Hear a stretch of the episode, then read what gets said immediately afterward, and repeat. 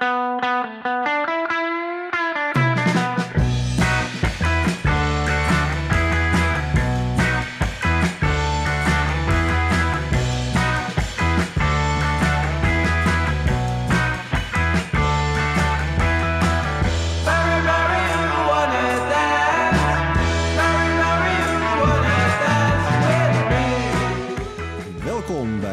Tea met Dirk en Rens, een podcast over alles wat met cannabis te maken heeft. Mijn naam is Dirk Bergman.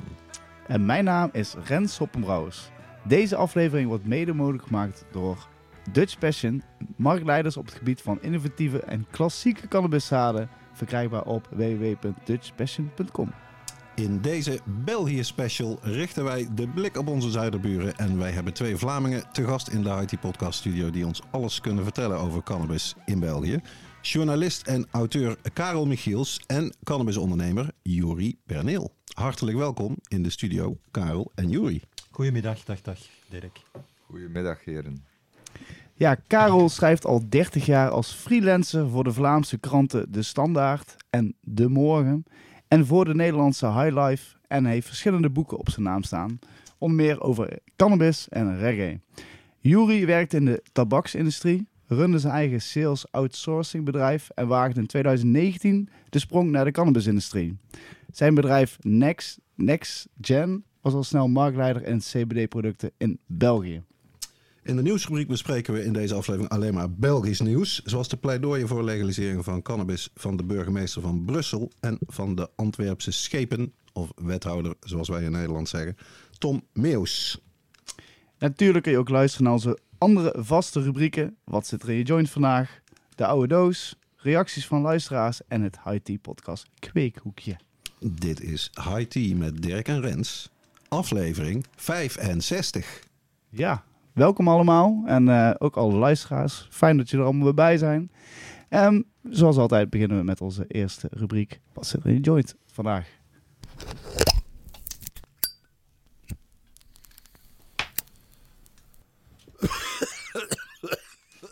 Wat zit er in jouw joint vandaag?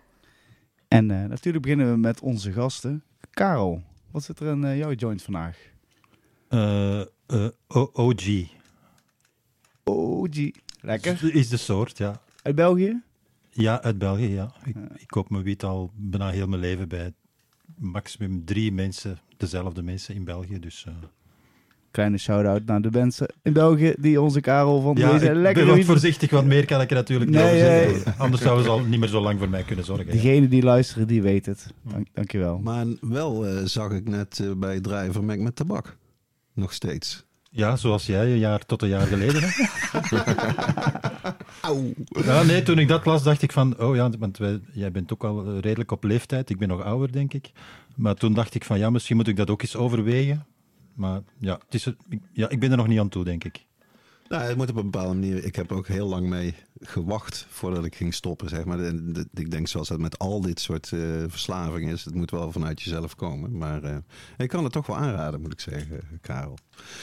Juri, rook jij überhaupt wel eens een joint? Ehm, nee, nooit de, tabaks of, of, of de, de, weed joint. Ik, het enige dat, dat, dat ik doe is vaping, eh, CBD, Ah, vaping. eh, en, of CBD eh, eh, in een dry herb vaporizer kan ik ook wel eens doen. Maar de gewone klassieke joint, eh, nee.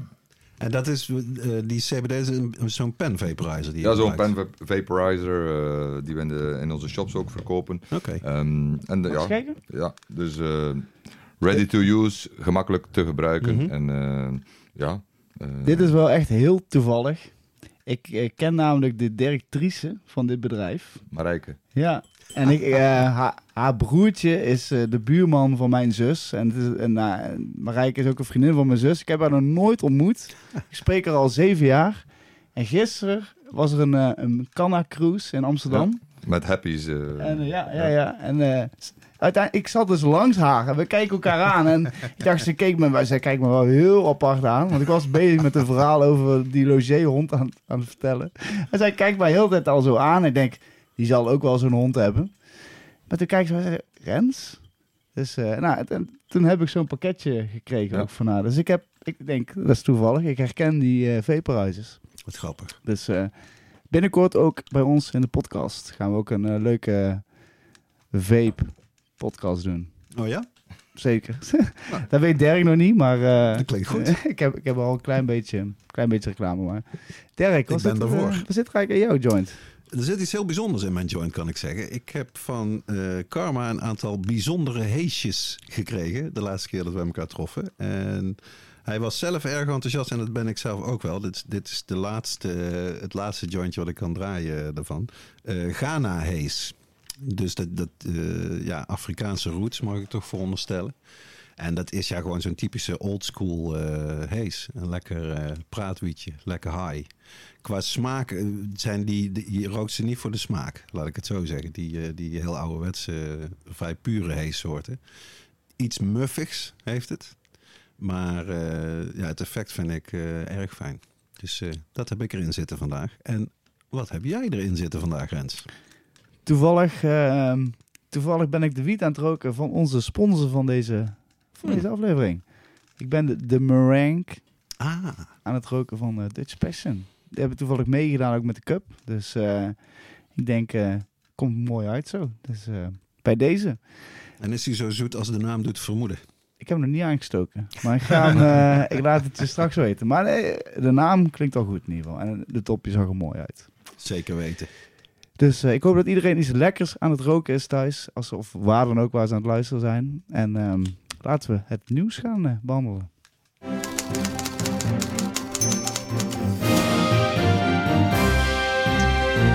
Ja, want in deze België special eh, doen we eigenlijk alleen het belangrijkste Belgische cannabisnieuws vertellen. Dirk. Ja, dat viel nog niet mee om eh, daar een nieuwsrubriek mee te vullen, zeg maar. Er komt niet zo gek veel eh cannabisnieuws eh, uit België. Los van misschien, ja, opgerolde kwekerij, dat type berichtjes. Maar wat wel erg belangrijk was en in Nederland natuurlijk ja, ook wel impact heeft gehad... is een twee pagina's stellend interview met de burgemeester van Brussel, Philippe Kloze. Ik heb het hier liggen.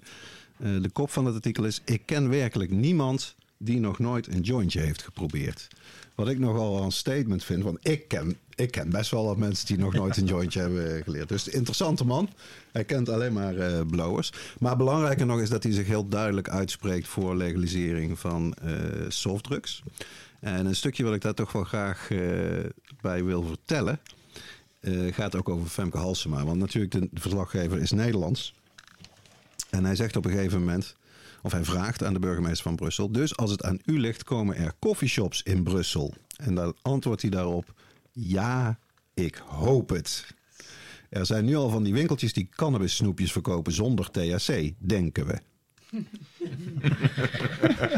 ik zeg, laten we het inkaderen.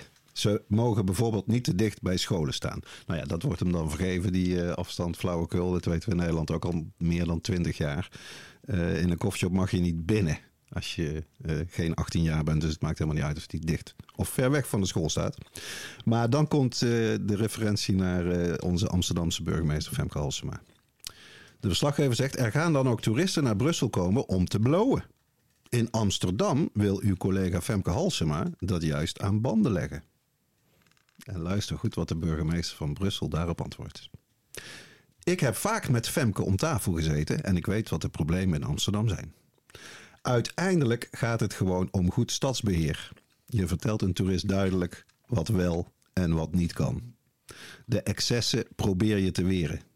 Maar steden als Amsterdam en Brussel hebben ook toerisme nodig. Zonder zijn we verloren. Kijk. Zo was je iemand op een elegante, maar toch glasheldere manier eh, De oren. de oren. Ja, dus dat is mooi. Eh, is die bekend eigenlijk in, in België? Was die al bekend als voorstander van legalisering, deze burgemeester? Je moet ten eerste weten, wij leven eigenlijk in drie werelden. Hè? Vlaanderen, Brussel en Wallonië. Uh-huh. En als het over cannabis gaat, zijn dat ook drie verschillende visies. Dus in Vlaanderen is het nog bijna taboe om erover te spreken. In Wallonië zitten ze zo op een soort progressieve lijn van ja, we gaan daar toch over spreken, want de grote politieke tenoren daar zijn het daar al lang over eens. Er wordt een premier, Elio Di Rupo, die Ja, een aantal jaar... Ja, De die- man met het vlinderdasje. ja, die had eigenlijk midden jaren negentig had hij al een heel plan klaar om eh, cannabis te legaliseren. En via alle mogelijke kanalen te kunnen verspreiden. Maar hij heeft dat ook nooit nog kunnen uitvoeren. Maar je merkt ook als je in Wallonië komt en bij Waalse vrienden dat het daar op een veel eh, normalere en ontspannere manier over kan gesproken worden.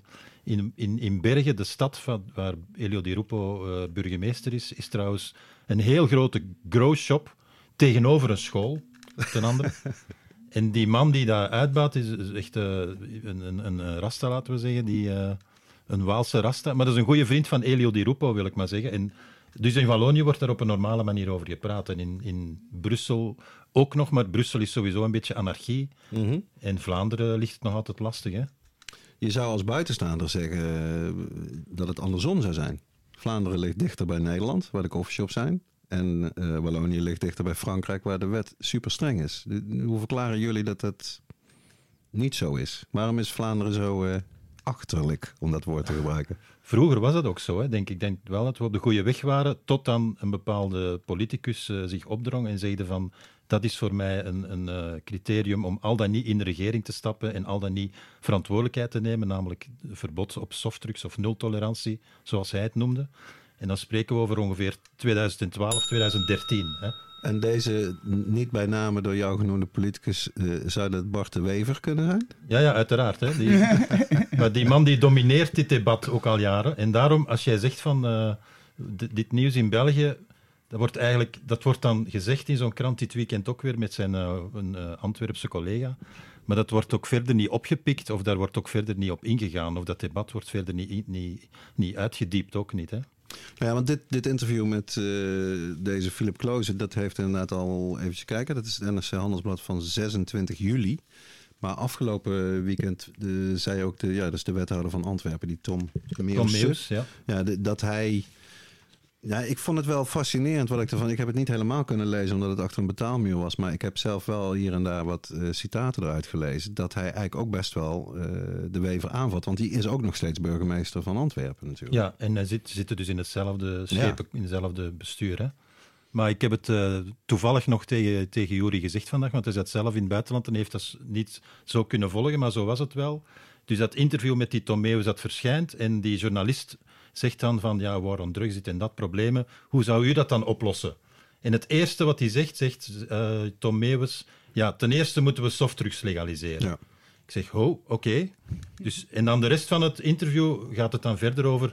Ja, we moeten ook handelszaken kunnen sluiten als er verdachte praktijken zijn. We moeten meer samenwerken tussen de steden. We moeten federale hulp krijgen. Ja. De normaal. Maar al die dingen die ik nu noem, die werden dan de rest van de- het weekend in de pers breed uitgesmeerd. Maar die ene, dat ene punt heb ik nergens het echt meer, om gaat. nergens meer gehoord, gezien of gelezen. Van, eh, ik wil softdrugs legaliseren. Dat is toch best opmerkelijk. Ja, en dat eigenlijk, maar jij weet jij ook, hè, Dirk, eh, dat is waar ik in de highlife al zo lang over schrijf, dat je elke keer denkt van, is er nu echt niemand die dat opmerkt of daar iets van zegt? Of... Er is, ik, ja, ik heb het, de angst voor het tweetblad, en dat zitten we ook op het eh, domein van Jury hier, die dan perfect legale producten verspreidt, die getaxeerd worden en die volledig wettelijk met alles in orde is. En toch stuit hij dan nog heel de tijd tegen muren en, en mensen die zeggen, dit kan niet en jij bent een drugsdealer en dit en dat.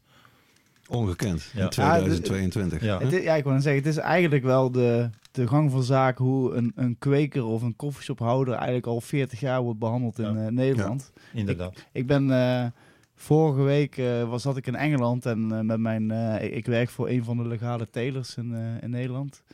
En hun worden op nu op dit moment ook overal tegengewerkt of met de nek aangekeken.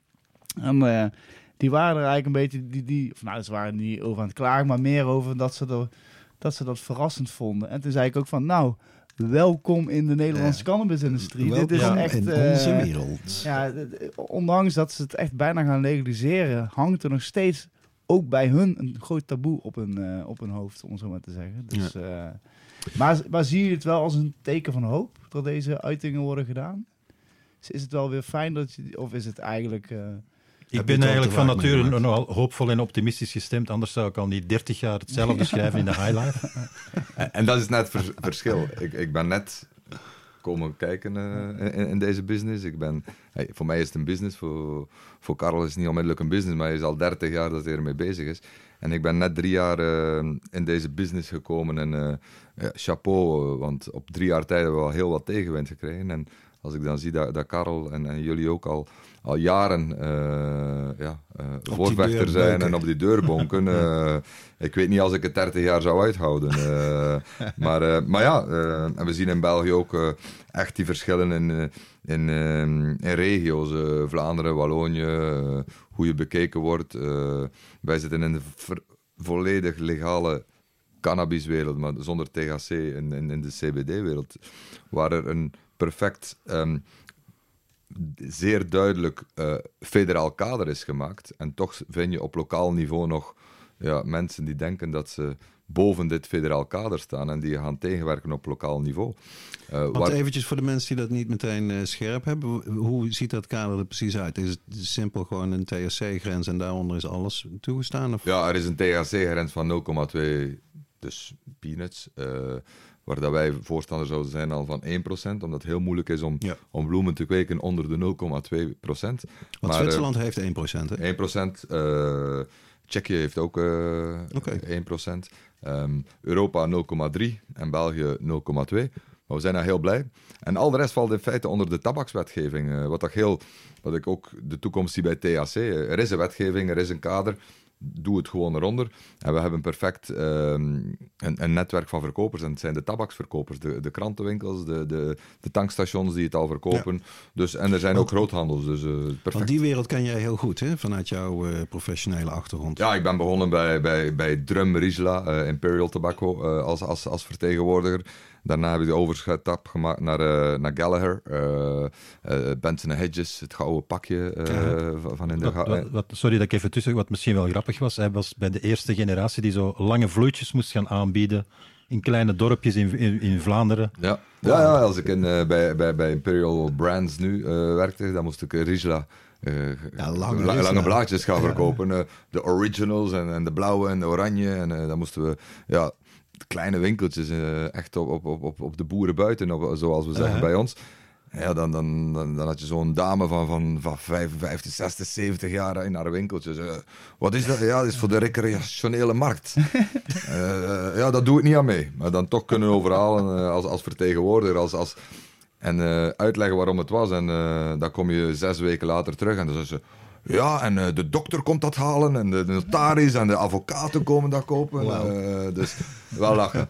Doe nog maar een doosje bij. Ja. Maar va- vandaag de dag eh, hebben, hebben, hebben mensen eh, uit onze organisatie eh, eh, persoonlijk eh, boetes gekregen en, eh, en straffen uitgesproken gekregen door de rechtbank, omdat we grinders verkopen. Dus eh, we zijn eh, 25 jaar verder en eh, ja, heel veel is er niet veranderd. Wietmaalmachines. Ik wil net zeggen, ik moest er ook aan denken. In Nederland is een, eh, een grow shop, toch maar even een shout-out, Plantarium in Nijmegen. Die kan zichzelf met recht de enige 100% legale grow shop van Nederland noemen. Omdat die helemaal door de molen van justitie zijn gegaan. En eh, in de ten lastenlegging daar van de politie of bij de inventaris wat ze allemaal in beslag hadden genomen, stond inderdaad 300 wit, wietknipmachines. En dat waren 300 grinders. Ja, ja. Ja, bij ons dat- is ook binnengevallen eh, in Het zijn november. zulke rot dat je denkt, oké, als jij als een rechter dat leest, dan denk je zo, 300 van die machines, dat is best wel een groot, weet je terwijl het gaat om plastic dingetjes. Ja. Ja, Ja, ja. bij ons ook zijn ze binnengevallen eh, in onze winkel die volledig legaal was. Ehm, we hebben ook een eigen winkelketen. Ehm, en daar vallen ze binnen en eh daar horen we een opmerking heen van iemand van die, van die persoon die binnengevallen. Ze verkopen ook grinders. En, en zo van, ja, ze hebben grinders. Dat, je- dat je zegt van, dit kan toch niet? Ja. Wij verkopen legale CBD-bloemen. Ja, dan heb je wel een grinder nodig, eh, zou ik zo denken. Ja. En ja, dat we, dus alles is in beslag genomen. En we hebben een, een, een, een, ja, een, een klacht tegen ons omdat we grinders verkopen. eh, dus Ongekend. daar leven we vandaag in. Ja. Mag ik dat politieke nieuws even gewoon afronden om met te zeggen dat als nu op dit moment in het parlement volgens de partijprogramma's zou gestemd worden, zou er legalisering komen. Hè? Of, of toch mis een decriminalisering. Want de meerderheid, schrijven als, ze wel op. als je alle Waalse partijen bij elkaar ja. neemt en de Vlaamse progressieve partijen ook, dan heb je een meerderheid. Maar er, is niet, er moet ook nog iemand het, het wetsvoorstel indienen natuurlijk. En dat doet niemand. Hè? Ja, niemand, wil de politiekers zijn die wiet eh Nee, nee, daar komt het op neer. Nou ja, en wat ik me dan ook afvraag, het feit dat je zeg maar, je hebt de Vlaamse regering, je hebt de Waalse regering en je hebt dan de federale regering voor allebei. En de Brusselse en de Duitse. Niet te vergeten. Maar eh, zou die, dat, zeg maar, die staatsindeling, eh, is dat ook een remmende factor op dit onderwerp? Of is het puur gewoon dat mensen, eh, ja, wat Rens ook zegt, dat mensen dat niet... eh, Ja, dat is een remmende factor, hè, want wij waren op de goede weg. Hè. We hadden progressieve regeringen tussen 2002, 2000 en 2012. En toen is eh, N-VA opgekomen, de partij van Bart de Wever. En toen is dat helemaal gekeerd, want wij hadden een soort, eh, weet je nog wel, een soort eh, lage, Een goede richtlijn, of tenminste een richtlijn ja. waar je iets mee kon. lage tolerantie, of we weten het toen, eh, ik ben het al vergeten hè, wat ze toen- hoe, hoe dat ze toen noemden. Maar in elk geval, toen werd je inderdaad niet meer lastiggevallen. Mocht je het zelf soms nog bijhouden, ook als je betrapt werd, als het maar een paar gram was. Ja. En dat was een progressief beleid, maar dat is helemaal stopgezet. En mensen zijn dat eigenlijk al snel vergeten, want ik weet het heel goed, omdat ik op dat moment hoog op een Ethiopische berg stond. En de regeringsvorming was al eh, was een hele tijd bezig al. Dat was die lange regeringsvorming toen, van meer Oh ja. dan bijna, bijna twee jaar of zo. Jullie eh, wereldrecord, of in ieder geval Europees. En het, het nieuws moest nog bekendgemaakt worden dat er een akkoord was, maar drie dagen ervoor lekte al iets uit. En mijn dochter die sms'te mij daar in Ethiopië en die zei, eh, Bart de Wever, dubbele punt, eist nul tolerantie. Dus hij was eigenlijk al die regeringsonderhandelingen binnengegaan en dat was het eerste punt dat hij op tafel heeft gelegd van, ik wil praten over alles, maar dat moet zeker gebeuren. En Heb je- sindsdien zitten wij in deze situatie. Wat heb je terug sms'd? Eh, bedankt voor mijn vakantie eh, te verruineren. Nee, maar, maar België heeft een heel moeilijke of, of, of complexe eh, samenstelling. Maar in Zwitserland ook. En in Zwitserland lukt Ja. het toch. Ja. Dus Ja, eh, goed punt. Ja.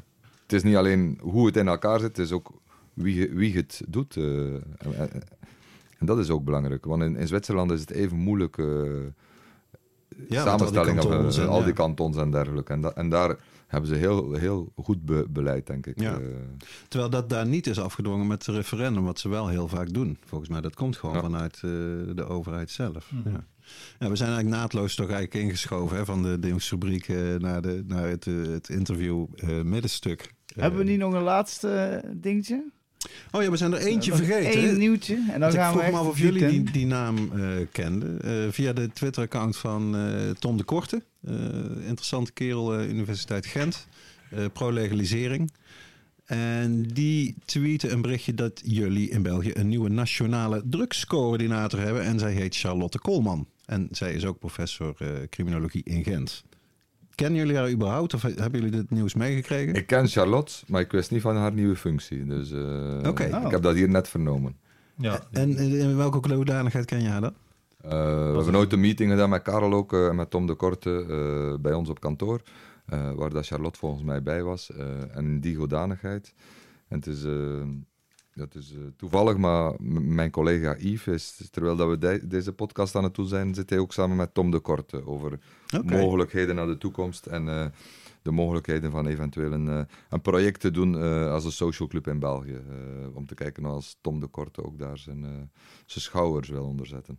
Interessant. Ja. Maar hoe dan ook, dat nieuws is bij ons... Allee, ik heb dat nergens gelezen. Ik, ik lees toch kranten, Nee. ik volg het nieuws toch als het over dit thema gaat, toch zeker? maar dat is de nationale drugscoördinator. Ja, oké. Ja, want wij hebben die volgens mij niet eens in Nederland. Hè?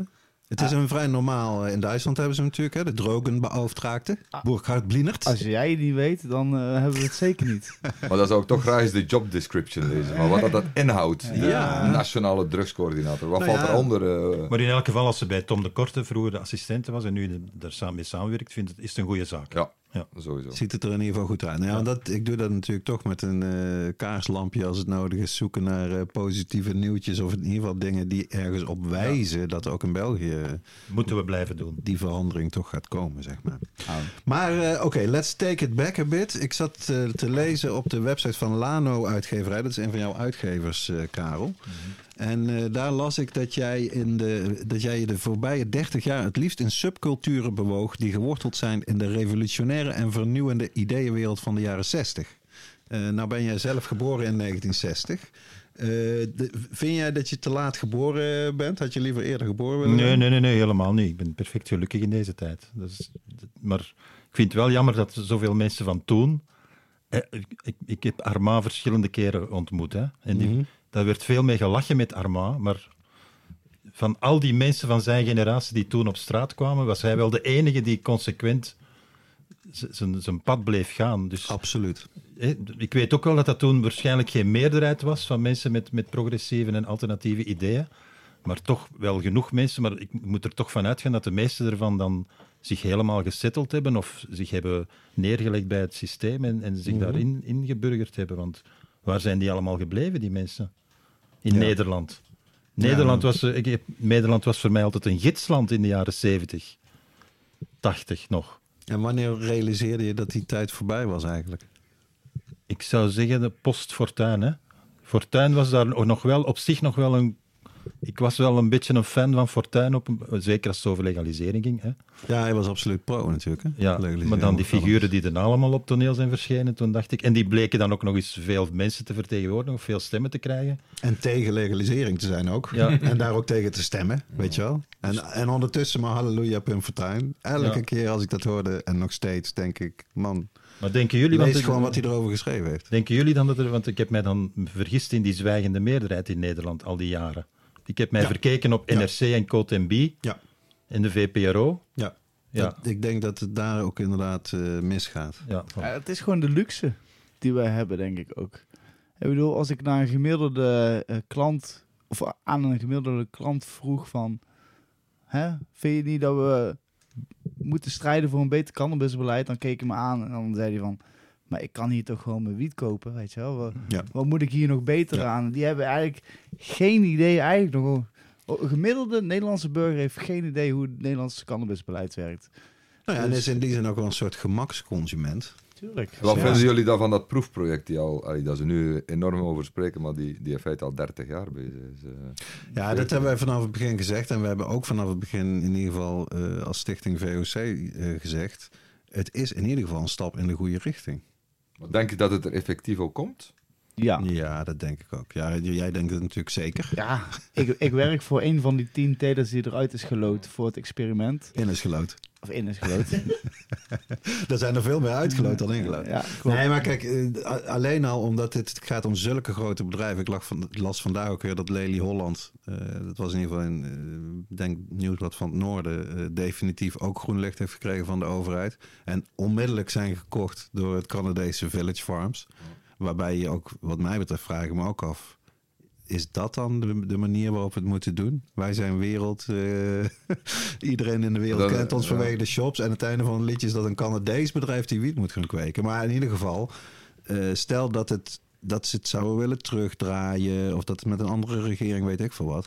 Al die tien ingeloten telers die gaan dikke, dikke schadeclaims neerleggen van wat maak je me nou? Wij hebben miljoenen geïnvesteerd voor dit eh, project. Dus het zal zeker doorgaan. De vraag is, eh, wat mij betreft, eh, relevanter van hoe snel gaan ze het uitbreiden?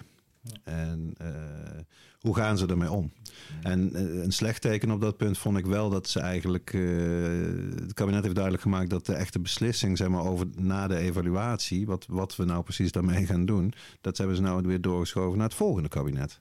Wat eigenlijk de vorige keer ook al is gebeurd. Ja. Dat ze zei, ja, ja, we hebben allemaal vertraging met de wietproef. Dus ja, eh, dat kan allemaal niet. Dus het volgende kabinet die zal dan ja, de marsroute bepalen. Maar goed, dat is nou dan weer een volgend kabinet. Maar ja, inmiddels hebben we ook weer politieke spanningen in Nederland. Met eh Wopke Hoekstra en zijn uitspraken over stikstof en weet ik wat allemaal. Dus als het kabinet valt, dat, zou gewoon, dat kan eigenlijk altijd wel, ook in Nederland. Dan eh, wordt het wel interessant wat er gaat gebeuren. Want in Nederland, ik moest er ook eigenlijk aan denken toen je vertelde over eh Bart de Wever. Dat is bij ons ook zo'n soort césuur geweest. Wij waren ook nog relatief progressief tot op dat moment. En daarna eh, zitten we met alleen rechtse kabinetten. Hebben we gezeten met tien jaar Balken en de CDA-man.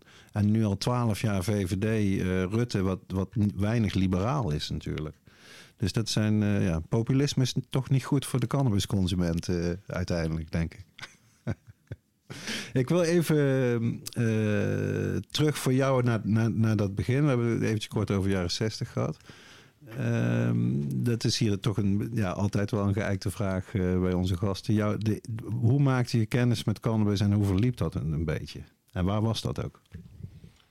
Ja, dat was natuurlijk omdat ik al heel vroeg eh reggae-muziek heel tof vond. Dus ik was 17 of zo toen ik mijn eerste reggae-platen kocht en daar helemaal in ben blijven hangen en dan verslingerd ben geraakt. Ja, dan kan je er niet naast natuurlijk, want Nee. de helft van de nummers gaat erover. Hè. En ik had ook een neef die toen al in België op zijn eigen zolder eh, eh, wietplantjes had staan. Oké. Dus een eh, eh, early adapter. ja, very early adapter. En, Trendsetter, een trendsetter. ja, bij hem, bij hem eh, met, samen met hem heb ik eh, voor de eerste keer gebloot. Ja. En toen dacht ik, want ik drink, ik, ik, heb al, ik heb nooit veel gedronken en nu al 30 jaar eigenlijk niks meer. Mensen vinden dat altijd verdacht, maar ik ben nooit alcohol, alcoholi, al- alcoholicus geweest of zo. Eh. Maar van in het begin, toen ik, er- toen ik eh, rookte, blode, dacht ik meteen van ja, oké, dit past bij mij, dat, dat ligt mij goed, ik voel me hier goed bij, dus ik ga, ik ga hiervoor kiezen. Mhm. En dat was dus meteen ook wiet, geen hash. Nee, nee, dat was wiet, ja. ja. Ja. Toen was dat nog... eh, Ah nee, het was van zijn eigen wiet, maar dat was dan de periode dat de meeste wiet inderdaad nog uit het buitenland kwam. Hè. In het begin Mm, dat was ja, nog precies. Thai sticks en wat was dat al, Colombia wiet en zo, ja. En hash was eh, king Ja, in, ja, de, in ja, de coffeeshops. ja. Ja, wel interessant, ja. En eh, nou ja, het, schrijven, eh, het is al even gememoreerd. Je, hebt ook boek geschreven over, over reggae Rastafari. Ehm, in hoeverre is, is cannabis al snel een specialisatie van jou ook journalistiek geworden? Of kwam dat eigenlijk pas veel later?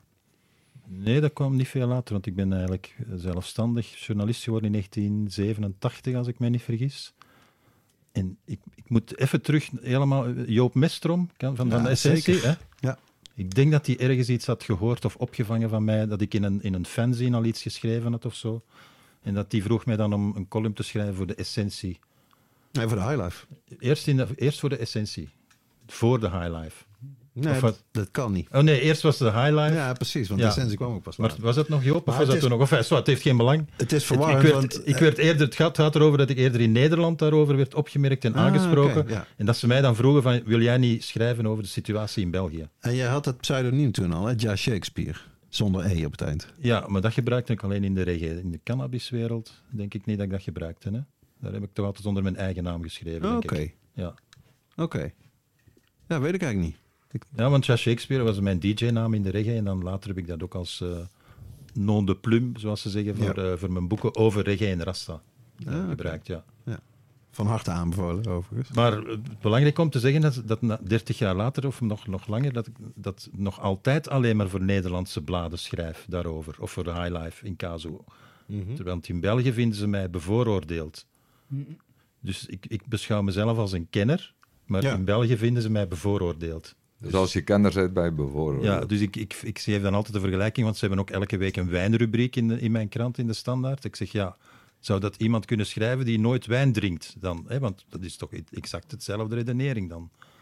Ja, voilà, dat is ook weer zo'n voorbeeld van zo'n huiver nog altijd van, we mogen zeker niet de slechte kant kiezen of weet ik wat. Is eh, dat, hè? ja. Kon je, kon je er een beetje open over zijn? Dat je van cannabis hield in je, om, in je omgeving, familie? Ja, ik heb nu niet mijn ouders daarmee geconfronteerd. Die wisten dat wel, maar nu niet dat ik dan in... in maar ik, ik, ben, ik heb dat eigenlijk nooit voor iemand verborgen gehouden. Nee. Gewoon, eh, Ook niet voor mijn dochter of zo.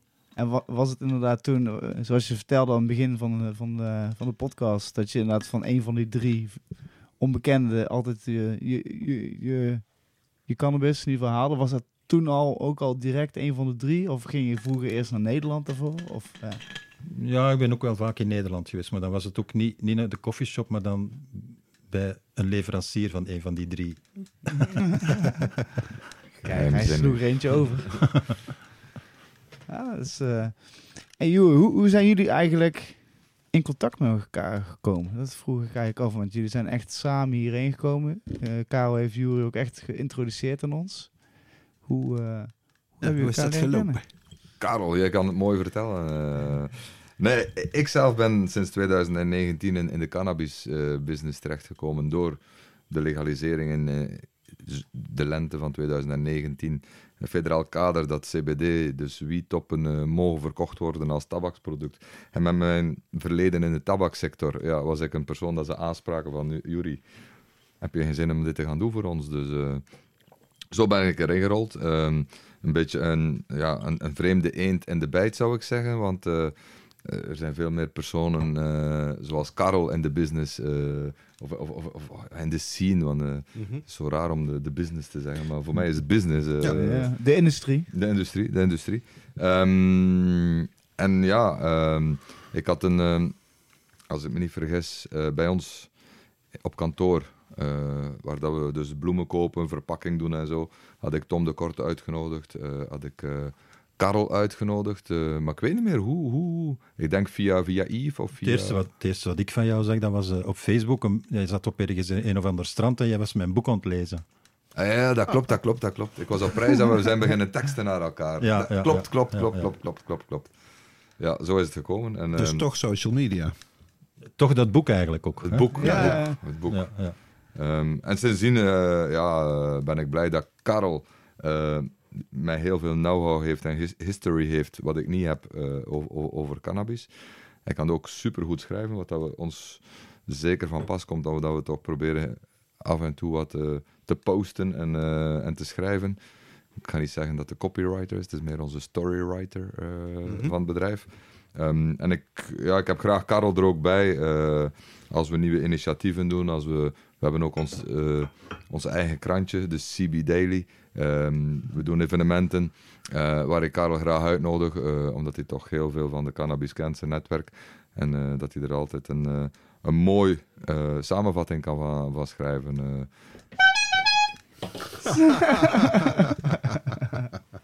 Hij wordt bijna niet gebruikt, maar eh, bij deze. Een Nederlander die zou meer zeggen, ga maar door. ga maar door, Juri. Wat vind je nog meer van mij? Nee, maar ik denk iedereen die jou kent en die jou volgt, Karel, ook in Nederland, die weet dat het waar is wat, eh wat Juri zegt, ja. Ja, ik moet ook wel zeggen, als je, als je cannabis in België googelt, dan, dan komt mijn naam eigenlijk al heel snel. Eh, Allee, ja. Ja. Ik heb het zelf ook al gedaan, dus het is zo. Ook, hè. ja. Ik heb me wel eens afgevraagd, ben ik nou de Nederlandse Karel Michiels of ben jij nou de Vlaamse Dirk Bergman? wat een, Ik schrijf alleen maar, hè. ik, ben, ik denk niet... Ja, ja. Misschien moeten we een podcast beginnen, Karel. Ik heb duizend ideeën per dag, maar dat is dan het idee van vandaag, dat we misschien samen een podcast moeten beginnen. En dan kunnen we, kunnen we Rens en Derek eh, Uitnodigen, uitnodigen. ja, ja. En dezelfde vraag stellen. Wij Ja. komen wel, wij komen wel, geen probleem. ja. Eventjes toen jij, eh, je zegt ik ben gevraagd toen die wet is veranderd in 2019 om dit te gaan doen. Eh, wat was dat in het begin? Ging dat om, om CBD-olie of ging het om, meteen al om bloemen? Of wat was het oor- oorspronkelijke, wat was het uitgangspunt, dat ik het zo zeg? Tot, tot eh, heel veel mensen in, in, in de CBD of in, in, de, in de industrie zien, zien niet graag wat er gebeurd is. Maar tot voor ehm, 2019, dat die federale eh, wetgeving er kwam, dat, er, dat cannabisbloemen onder de 0,2% THC als, als tabak konden worden verkocht met een taxzegel erop en zo. En eh, onder de, werd het gewoon als potpourri als, eh, verkocht in België. Ehm, met 6% BTW als, als, ja, als potpourri, als geur, geurbloemen. eh. Ja. En eh, natuurlijk was het leuke business, omdat die, die, die mensen kwamen uit het, uit het circuit, als ik het zo, uit de industrie. Eh, en die gingen een winkeltje open doen in, eh, en die verkochten die bloemen eh, als potpourri. 6% BTW met een heel mooie marge op. En als de taxzegel erop kwam, werd het een hele andere business natuurlijk. Want het werd een volledig gecontroleerde business, ook door de tabaksgroothandels en taxzegel. En, en om een taxzegel te hebben, moet je akkoord hebben met, met, de, met, met de overheid, moet je een borg storten aan de overheid. En die jongens die toen in die business actief waren, ja, die, die hadden niet de middelen of eh, die konden totaal geen borgstelling geven. eh.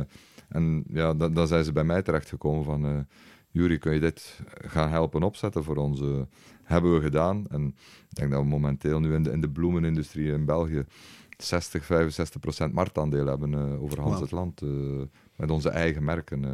En die wiet die komt uit Zwitserland, neem ik aan. Die. Nee, nee, nee, nee, nee. In het begin was dat, was dat het geval. Ondertussen, ik denk dat ieder land in Europa wel CBD-wiet eh, kweekt. Dus wij kopen ehm, Zwitserland sowieso nog. goede indoor kwaliteit, omdat dat in Zwitserland nog altijd legaal is. Niet overal is het legaal om indoor te kweken met lampen. eh, Oké. maar veel greenhouse en eh, in volle grond wordt er gekweekt in Europa. En wij kopen eh, een groot deel in Oostenrijk, Italië eh, Ja. en Zwitserland. En dan ben ik wel nieuwsgierig. Al- Als, je, je rookt denk ik niet veel bloemen zelf. Enkel, eh, al- als ik het al doe, dan is het, eh, voor- wat voor mij de toekomst ook is, is eh, heat not burn. Is eh, die dry herb vaporizers. Ja.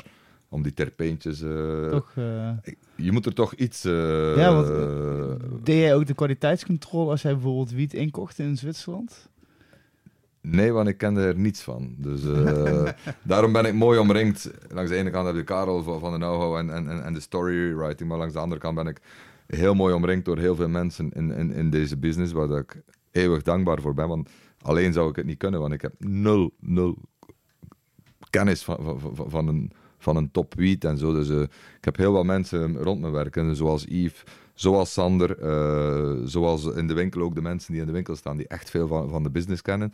Ehm, en dat is mijn sterkte vandaag, dat, dat ik omringd ben met, met mensen die heel veel en heel lang al in die business zitten. Ehm, en ja, dit alles samen is ons succesverhaal in feite. Iemand die operationeel goed is. Ik heb, eh, onze dame is, is een gepensioneerde finance director van bij Philip Morris, die heel die wetgeving rond die taxregels kent. Ehm, ik heb mensen die, ja, zoals Karel, jongeren, maar jongeren dan, die, die gepassioneerd zijn door het, door het plantje. En die werken bij mij, krijgen een loon, maar dat ze nooit aan gedacht dat ze ooit gingen betaald worden of een loon krijgen in, voor hetgene wat dat ze doen. Mhm. En heel veel dingen dat ze doen is leuk, maar heel veel dingen dat ze doen is ook niet zo leuk. Want ze moeten verpakken en ze moeten die taxzegel kleven. En eh, Ja. ja. leuk is dat niet. eh, prettig, allee, plezierig word je er niet van. Maar ze leven in die, in, in, in die industrie Ja, van, precies. van de wiet en ze worden betaald en alles dat ze doen is... En heel veel mensen willen dat. ja. Zeker ook jonge mensen, maar Ja. überhaupt wel. In Dus, die eh, cannabisindustrie werken. Dus ik heb in heel veel industrieën gewerkt. eh, in de, in de tabaksindustrie, daarna ben ik mijn eigen outsourcingbedrijf in de sales. We hebben vooral grote fast-moving consumer bedrijven gewerkt. Ja, wa- wat is outsourcing dan? Of, eh, Dus sorry? ik had een bedrijf waar dat we de vertegenwoordigers van, eh, dat ik de, de vertegenwoordigers te werk stelde voor die bedrijven. Zoals Perfetti van Melle, Procter Gamble, Johnson Johnson, dus in de fast moving consumer good. Wat ik zie, en heb ik nog nooit gezien in, in mijn carrière, is we hebben een winkel en daar komen smiddags vier, vijf, zes, zeven, acht, negen, tien mensen samen en die gaan beginnen spreken over onze producten. Kan je je voorstellen als, als, als marketingdirecteur van een groot merk dat, dat, dat, dat, er mensen, mensen samenkomen s'namiddags om, om, om even over je product te gaan bespreken. Of dat de huismoeders samenkomen om over Dash te gaan spreken. Maar, maar dat is wat gebeurt in onze CBD-coffeeshop. Eh, Mensen komen samen en spreken over product. En ik als leek, als, als, als, als heel, heel eh, niet zo'n kenner, zo'n gesprekken volgen en, en, en daar zitten en daar werken, geeft mij enorm veel business insights. Ja, En ik heb ja, ja. geen data nodig en big data en zo. Ik heb gewoon die gesprekken nodig om te zien wat er nodig is. eh, en daar de dingen uitpikken om weer verder te groeien en onze business te doen groeien. Ja, want je gebruikt dat woord CBD coffeeshop. Eh het idee is daar letterlijk volgens mij dat je ook je kan daar koffie drinken, maar je mag daar niet, je mag hier wel CBD verdampen daar. Nee, we hebben, ehm, Of nul consumptie. ja, ja, we hebben een consumptiemogelijkheid. Want we, staan, we, zijn een CBD, we zijn een coffeeshop. We staan ook ingeschreven in, eh, als horecazaak, als café. Eh, wij verkopen legaal eh, CBD-bloemen.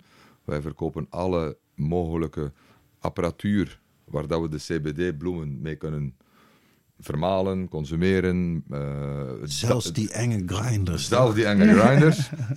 Wat ze toevallig ook voor de, echt, de real stuff kunnen gebruiken. Maar ja, eh, dus we verkopen bongs, we verkopen eh, allee, al die dingen.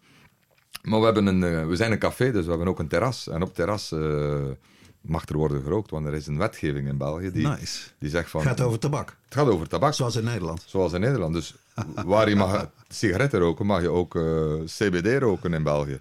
Natuurlijk, de geur en de smaak is hetzelfde, dus ik kan niet altijd weten wat, wat jullie eerste rubriek is. Wat zit er in uw joint? Ja, ja, dat kan je niet met dat kan ik zekerheid niet vaststellen. met zekerheid vaststellen. En, Zelfs Karel denk ik ook niet. Met al jouw ke- kennis en ervaring, toch? Ja, CBD-wiet. Als het goed is, dan... eh, Nee, nee, qua geur en smaak. Echt, hè? En die markten zijn perfect. Ey, dit is een discussie dat we ook hebben in België. Ja, als België morgen legaal THC kan verkopen, gaat de CBD-markt niet ver- verdwijnen. Maar ik zeg, die, die, die, die zijn perfect leefbaar naast elkaar. Maar vandaag is er misschien geen legale THC-markt, maar er is wel een illegale THC-markt. Want als je bij ons buiten in de winkel komt, kan je twee stappen verder en kan je gewoon eh, THC kopen. Dus eh, Ja. voor mij zijn het twee aparte werelden, twee aparte markten. En ik denk zelf ook in Nederland dat de CBD-markt en de THC-markt perfect eh, economisch haalbaar zijn. maar er is, geen. CBD, er is geen CBD-markt in Nederland momenteel. Ah, alleen olietjes. Ja, maar niet, niet de wiet. eh, Nee, ja, ja, het om is te zeer roken. Dat is heel typisch, hè? ja. Ja. Ik vind ook in dat opzicht is België weer een stuk verder als ons. Ik bedoel, eh, dat, ik, dat ik naar een si- sigarettenwinkel kan gaan en daar echt CBD Ook niet Duitsland. kan kopen. Dat is echt al, Ja. dat is alweer bijzonder voor ons weer eigenlijk. Ik was in Heidelberg in Duitsland in een eh, wietwinkel. Daar hadden ze ook gewoon eh, negen à tien soorten verschillende CBD-wiet. Dat zag er allemaal heel goed uit. Maar ook Shatter hadden ze, weet je wel. Ze hadden zelfs CBD Moonrocks. Ja. Nee, nee, het is, Ja, het dus, is een eh, mooie markt.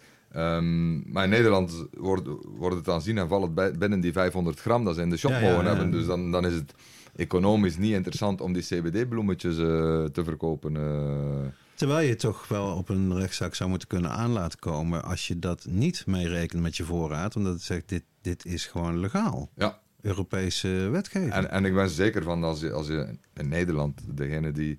Het is onze markt niet momenteel en eh, het is ook een beetje choose your battles. Want er zijn Ja, heel tuurlijk. wat battles in die markt. Dus het is een beetje choose your battles. Maar moesten we een onuitputtelijke. Ja, eh, onze battles mogen kiezen, zou ik natuurlijk in Nederland volgens mij met een tabaks, eh, met, een, met, een, met een taxzegel en met een health warning ook zoals een tabak het lanceren. En ik ben zeker van dat, het, dat er niemand jou iets kan doen, omdat je onder de 0,2% THC zit, Mhm. eh, dat je niet kan aanschouwd worden als, als drugs. Maar gewoon als een rookproduct, als, zoals dat je... eh, hoe noemt de tabaksvervanger eh, hebt eh, in, in Nederland? eh, ja, zoals Knaster of Camp. Weet je wel, die waar Camp, tabak in eh, zit. Ja. en, Ja. eh, Dja- Django of eh, Django? Nee, Gringo. Gringo, Gringo, ja. ja, precies. Dat is ook eentje. Ja. Perfect mogelijk volgens mij. Ja. Maar nogmaals, En choose your battles. Nou, het zou interessant ook zijn om te zien of dat veel omzet genereert. Of, je daar, of die markt in Nederland er ook is voor Ik- mensen die zeggen ik wil. Want het is natuurlijk ook wel Ik denk het van wel, want de, want CB de CBD-roker in België is iemand die zegt van ja, overdag wil ik geen THC roken, maar wil ik wel de smaak. En ik ben geen tabaksroker, maar ik wil wel cannabis roken. Ja. Eh, zoals dat je bij bier een eh, alcoholvrij biertje drinkt overdag Ja, om niet dronken te worden. Maar zegt ik wil wel de smaak hebben. Ja. Eh, dus dit is er. Er zijn mensen die zeggen, ja, ik wil geen THC meer roken tijdelijk of, of, of voor altijd. Die zeggen, maar ik wil wel blijven cannabis roken. Dus die zijn er. En we hebben zelf mensen eh, met, met kwaaltjes hier en daar. Die zeggen, ja, mijn dokter heeft gezegd van rook deze goede CBD-joint. eh, Uh-huh. en dan ga je goed slapen. En dan ga je, eh, dus dit cliënteel hebben we ook. eh, dus ja, voor mij is het een, een hele andere doelgroep. eh, Aha. die perfect, dat die twee segmenten perfect naast elkaar kunnen staan. Want hoe zit het qua prijsstelling? Wat kost een gram CBD-wiet eh, in de winkel in België? In België taxen, want er zit 50% tax op. Dus er- 50? ja, er zit 21% BTW op, dat je natuurlijk niet kan recupereren.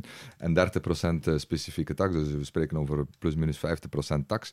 Dus 50% tax en je moet rekenen dat eh, de gemiddelde per gram dat je rond de 10, 10 tot, tot 13 euro betaalt Ja, toch wel. kwalitatief. Mhm. Waarvan al 50% tax in is. Dus Ja. dus in feite komt het neer op tussen de 5 en de, en de 7 euro de gram eh, verpakt. Eh, dus ja, dat is een beetje de prijs. En is dat dan ook allemaal per gram verpakt? Of heb je ook grotere verpakkingen? Of hoe werkt dat? Eh, per gram, en ik denk de grootste verpakking moet iets zijn van, eh, van een 10 gram of zo. Ja, ja.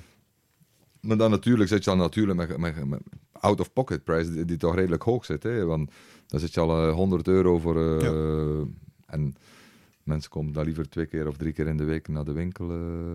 Dat blijkt in Nederland met de coffeeshop ook altijd heel duidelijk. Hè? Ja. Eh, Is dat de speciale naam porties. inderdaad? Out of point is echt dat mensen liever iets kopen van vijf keer iets kopen van 20 euro dan Ja, één tuurlijk. keer van. eh, Ja, ja, ja, maar dat- is niet enkel in de, in de cannabissector. eh, we hebben altijd het tientje, tientje eh, Ja, ja, in, de- in, tientje. de, in, de, in de, in de cannabissector. maar ik heb ervoor in, eh, in, in de business gezeten en iemand die in een, in een krantenwinkel binnenkomt of in een tankstation binnenkomt, dan die heeft een tientje in zijn zak en die Ja, wil die ja, uitgeven. precies, ja. En dan is iedereen con- concurrent van iedereen. En als je dan een, een, een, een, een, drankje hebt of een mars of, of, of gelijk wat, je, gaat in een tankstation geen 100 u- euro uitgeven. ja, dus daarom moet- ja, de, en moet je die prijs zo laag mogelijk houden. eh. en we hebben ook een product 3 gram voor 24 euro. Dus heel laag in, eh, heel laag in prijs per, per gram. Maar dan weer out of pocket is 24 euro ten opzichte van eh 10 euro of, of 20 euro. Dus, en ja, we, we zien wel dat, dat, dat het speelt. En echt een, iemand die kijkt naar de prijs, die koopt dit. Maar wij weten ook, als je 2 gram koopt of 3 gram koopt, die 3 gram is even snel weg of die 2 gram. Dus, Ja, eh, eh, en, dat, en dat is het succes van, van ons verhaal, een van de successen van ons verhaal, naast de mensen en de tijd dat we juist op de juiste moment in, die markt gekomen zijn. Maar het succes is ook dat we een gamma aanbieden in de markt van verschillende kwaliteiten, verschillende prijzen, verschillende verpakkingen voor elks wat wils. En, eh, en dat is onze sterkte vandaag, dat we een totaal eh, aanbod aanbieden eh, aan, aan onze rokers, eh, consumenten. Ja, over verpakkingen gesproken. Wij in de, de komende experiment dat ze gaan houden in Nederland, is- zijn er vele eisen over de verpakking. Het wordt daar hele Bijsluiter. saaie, Ja. neutrale verpakking en daar met een bijsluiter. bla. Eén lettertype is volgens mij maar toegestaan. Ja, je mag je logo nog niet eens Helvetica. opzetten. Dus, eh, Zoals de tabaksindustrie Ja. vandaag, hè? plain packaging. eh. Ja, maar daar ga je dood van, maar van tabak. Is dat ook van met wiet. tabak? Of eh, tabak, sorry, is het ook met CBD-wiet? Hoe zijn die verpakkings... eh, Nee, het is, eh, zijn er niet, volgens mij. Jawel, het, eh, het is de wetgeving als bij roltabak bij ons. Dus eh, je mag nog altijd kleuren gebruiken en je mag nog altijd de naam gebruiken. Maar moet eh, 35% van, het, eh, va- van de verpakking moet er een gezondheidswaarschuwing op staan. Dat er ook een eh, slecht is voor de gezondheid. eh. Is dat hetzelfde als bij tabak ja, ook? zelfs als bij ta- eh, tabak. Dat slaat echt nergens ja, op. en wij, wij, wij, als we begonnen zijn, hadden we erop gezet onder de 0,2% THC. En hadden we er ook CBD op gezet. En eh, we hebben al onze verpakking moeten eh, vernietigen. Omdat we op een verpakje ehm, CBD-bloemen, het woord CBD niet mogen gebruiken. omdat het woord CBD eh, een positieve connotatie heeft. Oké dan. En het, tabaksproducten mogen geen positieve connotatie hebben. Dus Dat geloof je toch niet? dat is dus- ongelooflijk. dus Ja. hadden we er... eh, en dan zeg ik, wat mag ik er dan opzetten? Dan zeg ik, mag ik er cannabisbloemen opzetten? Ja, dan mag je erop zetten. Ja. Dus ik mag geen CBD-bloemen nemen, Ja, echt. maar wel cannabis. gewoon. Dus op een gegeven moment, ja, ik ben een market, sales en marketing guy. Ik zeg, ja, die bloemen moeten verkocht worden. Dus gingen we een, een stickertje maken van hier CBD-bloemen te, te koop. Ja. Of hier CBD te koop. En eh, dan zeggen ze, ja, maar ja, je mag niet reclame maken voor CBD te koop. Maar ik zeg, ik verkoop geen CBD, want ik verkoop cannabisbloemen. Ik mocht er geen CBD op zetten, dus... en ik zeg, ja, maar ik zeg, die verkopen CBD-olie, die winkels, maar Ja. die verkopen geen CBD-bloemen mag niet en kan niet in België. Dat bestaat niet. Het zijn cannabisbloemen. Ja, en daar zaten ze even eh, vast. Of hennep, hennepbloemen, hè? Hennepbloemen mag en cannabisbloemen. En, maar ik denk, zelf de, de veel blauwers, wat is hennep, wat is cannabis? eh, Ja, daar kan je uren over is, eh. Maar er was ook iets, er was toch ook Mag iets met de soorten. marihuana überhaupt gebruiken? Weet? Racistisch. Ja. Maar Dus er was ook iets met de soorten, hè? Met, met amnesia en haze. En Ja, daar dus- mocht dan... Dus wij geven eh, in België, zoals, ja, geven onze naam, we geven een brand, Sensi, James Garden, ehm Edelweed, Spec zijn onze merknamen. Maar Daaronder eh, m- moeten we de soortjes wel noemen en we gebruiken natuurlijk de Cannabis sativa L, eh, de, de am- Amnesia, de, de eh, Super Haze, eh, Skids, al die dingen. En allemaal goed, maar Amnesia mochten we niet gebruiken, want dat gaf weer een, ja, aanleiding tot, terwijl we zeggen, we gebruiken, we gebruiken gewoon de strains Ja. van de bestaan. Wat, wat dan niet correct is, want het is, het is geen amnesia strain die erin nog, zit. ja. eh. maar het is een marketingverhaal. En, en dan, ja, dan hebben we weer al de verpakking moeten... waren ook nooit echt light. Ja, en dan hebben we heel de verpakking terug moeten ver- veranderen. Want amnesia mag niet meer in België. Dus je, je mag cannabisbloemen verkopen, je mag het superhaze noemen. Je mag Ook dat het, is eh, zo absurd, want je zou toch zeggen dat een product waar je geheugenverlies van krijgt, dat het nou niet echt een verkoopbevorderende boodschap is. Maar eh, Nee. blijkbaar wel. Dus, dus, dit, dus ja, het is nog... eh, hey, nogmaals, de- het, is een, het is een industrie in België. Het is een kleine industrie. Ehm, we zijn er marktleider in. Eh, ik zie die industrie nog groeien. Ehm, en voor mij is het nog altijd een ja, opwarming voor wat dat er hopelijk komen komt. eh, Mhm. Dat we met dit de stap kunnen zetten. Want ik denk wel, als er een legalisering komt, dat wij ja, een grote kans maken met het netwerk dat we hebben en de know-how dat we hebben, dat we toch kunnen Goed ja, gepositioneerd. goed gepositioneerd zijn. Ja. Of in, of in pole position aan de start Ja. komen van die Ja. race. Dus, eh, Denk jij dat ook, Karel? Ja, ja, ik was net aan het denken, ik vind dat echt ongelooflijk, hè, omdat we sowieso op een andere level erover kunnen praten. Ik zie dat aan jullie gezichten ook wel een beetje. Hè. Wij zijn eigenlijk niet gewend om zo zakelijk over cannabis te praten. Terwijl, ja, al wat hij Nou, zegt... Rens volgens mij wel hoor. Ja, ja, maar toch, toch nog... Dat is toch Blijf nog, leuk. Ja, ja, maar dat is Eh. toch nog eerder een door de overheid gesubsidieerde de toestand waar jij voor werkt, denk ik. Hè? Nou ja, het is eigenlijk hetzelfde als een koffieshop. Ja. Uiteindelijk heeft, heeft gewoon een koffieshop een vergunning gekregen om wiet te verkopen. En wij hebben een vergunning gekregen om wiet legaal te telen. Ja. Dus wij zijn totaal onafhankelijk. Dus, eh, Maar wat je wel hebt, dat ik, ik denk wel dat ik heel veel mensen ken die een beetje huiverig zijn van het marketing en commerciële verhaal. Je weet dat ook wel. Er zijn mensen die vinden Tuurlijk. Dat moet met cannabis, dat mag niet in een commercieel verhaal terechtkomen. Terwijl voor mij, wat, voor mij, het enige wat voor mij telt is dat ze mij gerust laten als ik cannabis consumeer. Snap je? Ja. Ja, en die precies. discussie hadden we vorige keer ook met, met Tom de Korte, eh, Mhm. die jullie ook kennen. eh, De criminoloog. de criminoloog, die zegt van ja, ik wil het decriminaliseren, maar ik wil het niet commercialiseren. Ja, Dat is lastig. en het een zonder het ander vind ik een heel moeilijk, eh, heel moeilijk verhaal. Ja. Ehm, ja, ik wil het, ik wil het natuurlijk eh, commercialiseren, waar dat Tom zei, ja, laat het allemaal via, via social clubs gaan.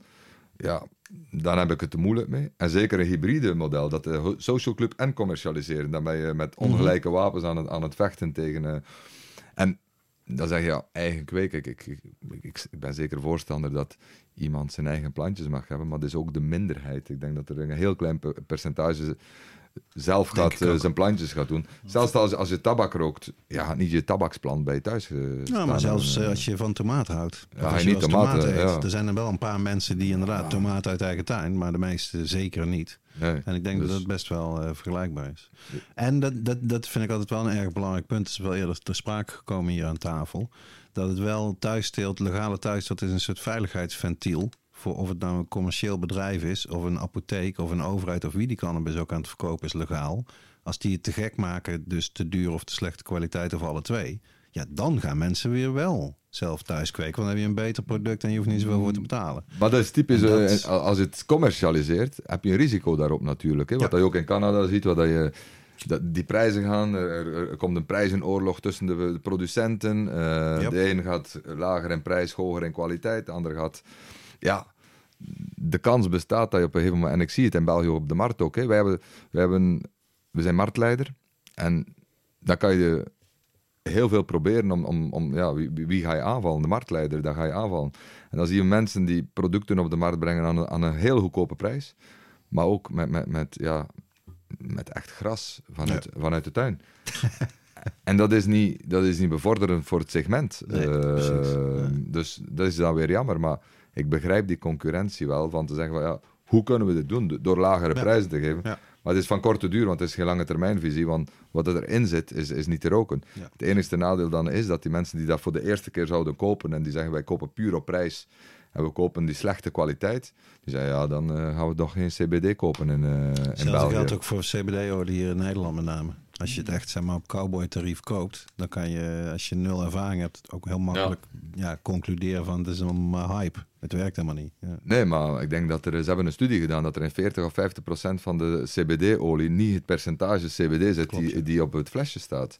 Omdat er ook geen controle is. Ja. In België verkopen we CBD-olie in de apotheker en in Medimarket, wat dat een beetje een boots is of een... eh, ehm, en daar staat nog altijd op de verpakking niet voor consumptie.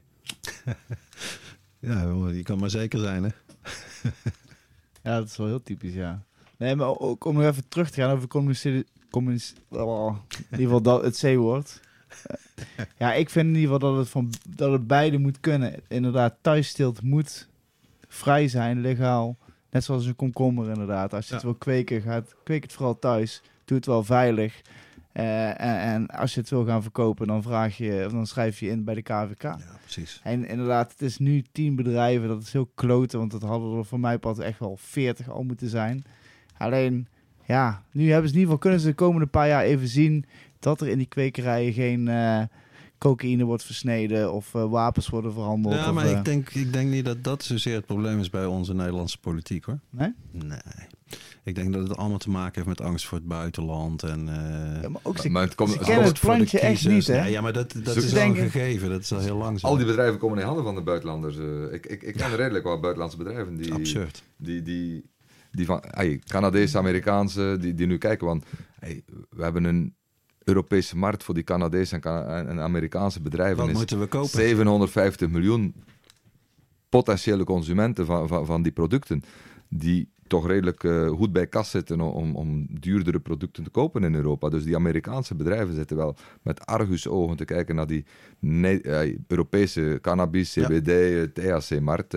dus ik denk niet dat er, als die, die, die wietproef doorgaat, dat, dat op het einde van die proef dat er nog veel van die bedrijven in Nederlandse handen zijn. eh. Dat is volgens mij nou al een beetje zo. De helft is volgens mij nu al in buitenlandse handen. Ja. Minimaal. ja, dus, ja. dus allee, het protectionisme.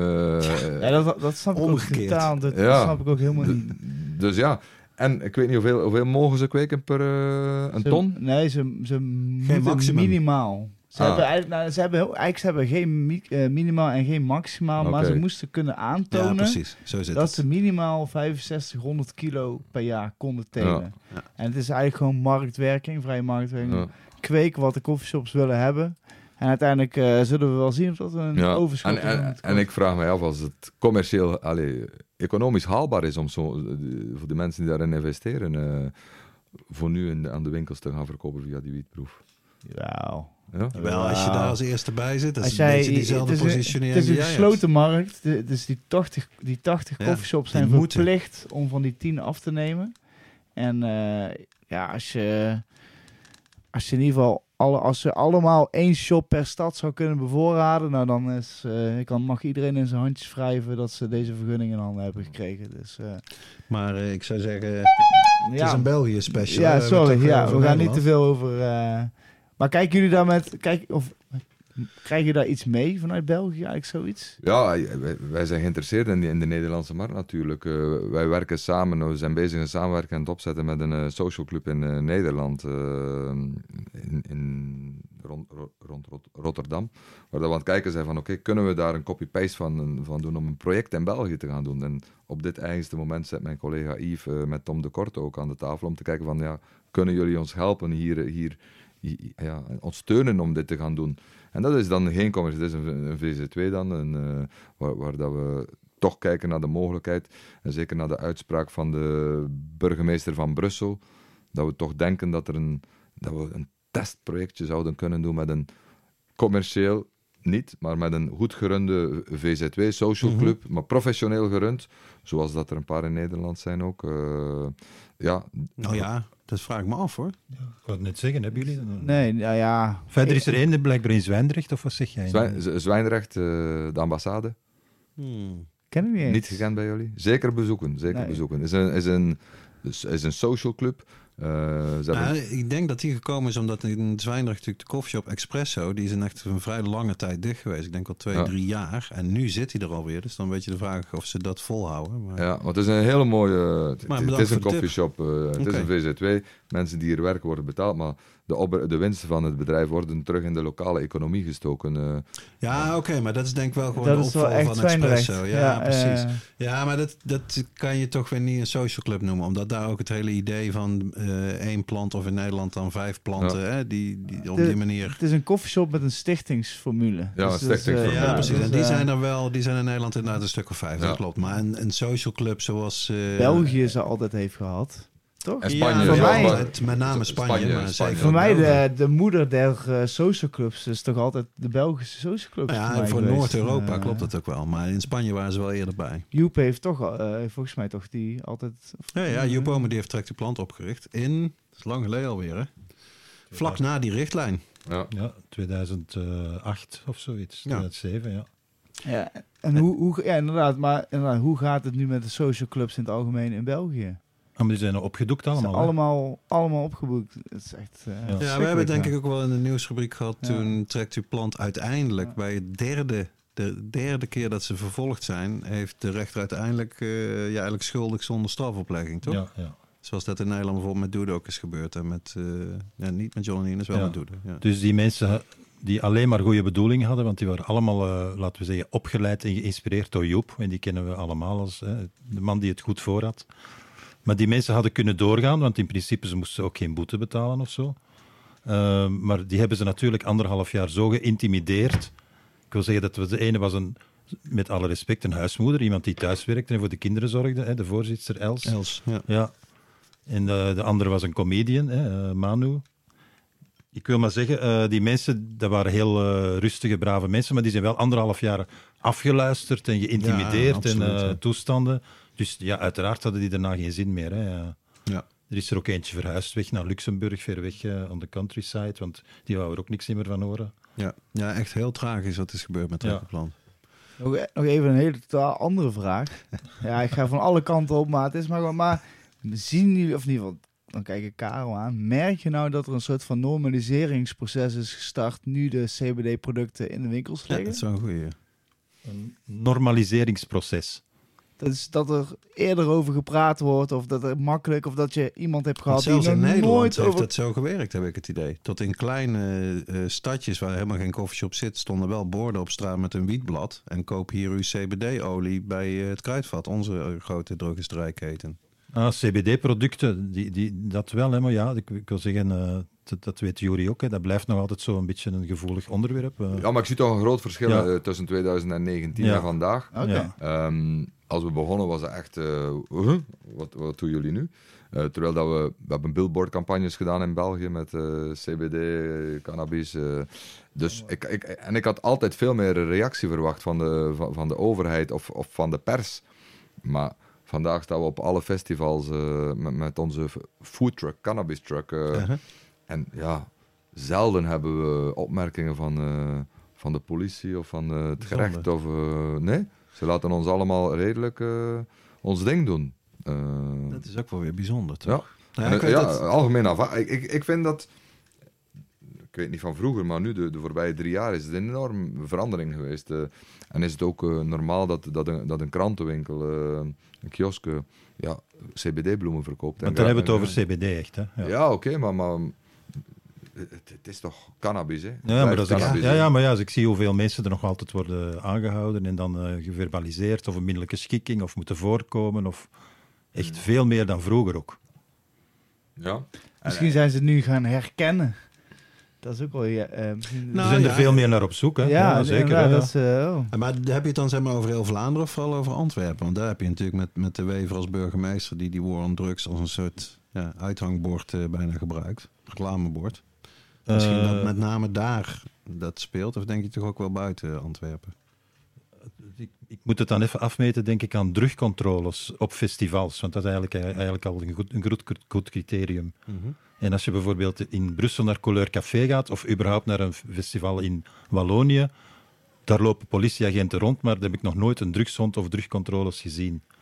Terwijl eh, bijvoorbeeld in, onlangs op het Sphinx Festival, waar jullie ook stonden met een truck, Ja. Of op Reggae Geel of eh, Pukkelpop, ja, daar lopen ambtenaren rond met, eh, met een eh, betaalkastje.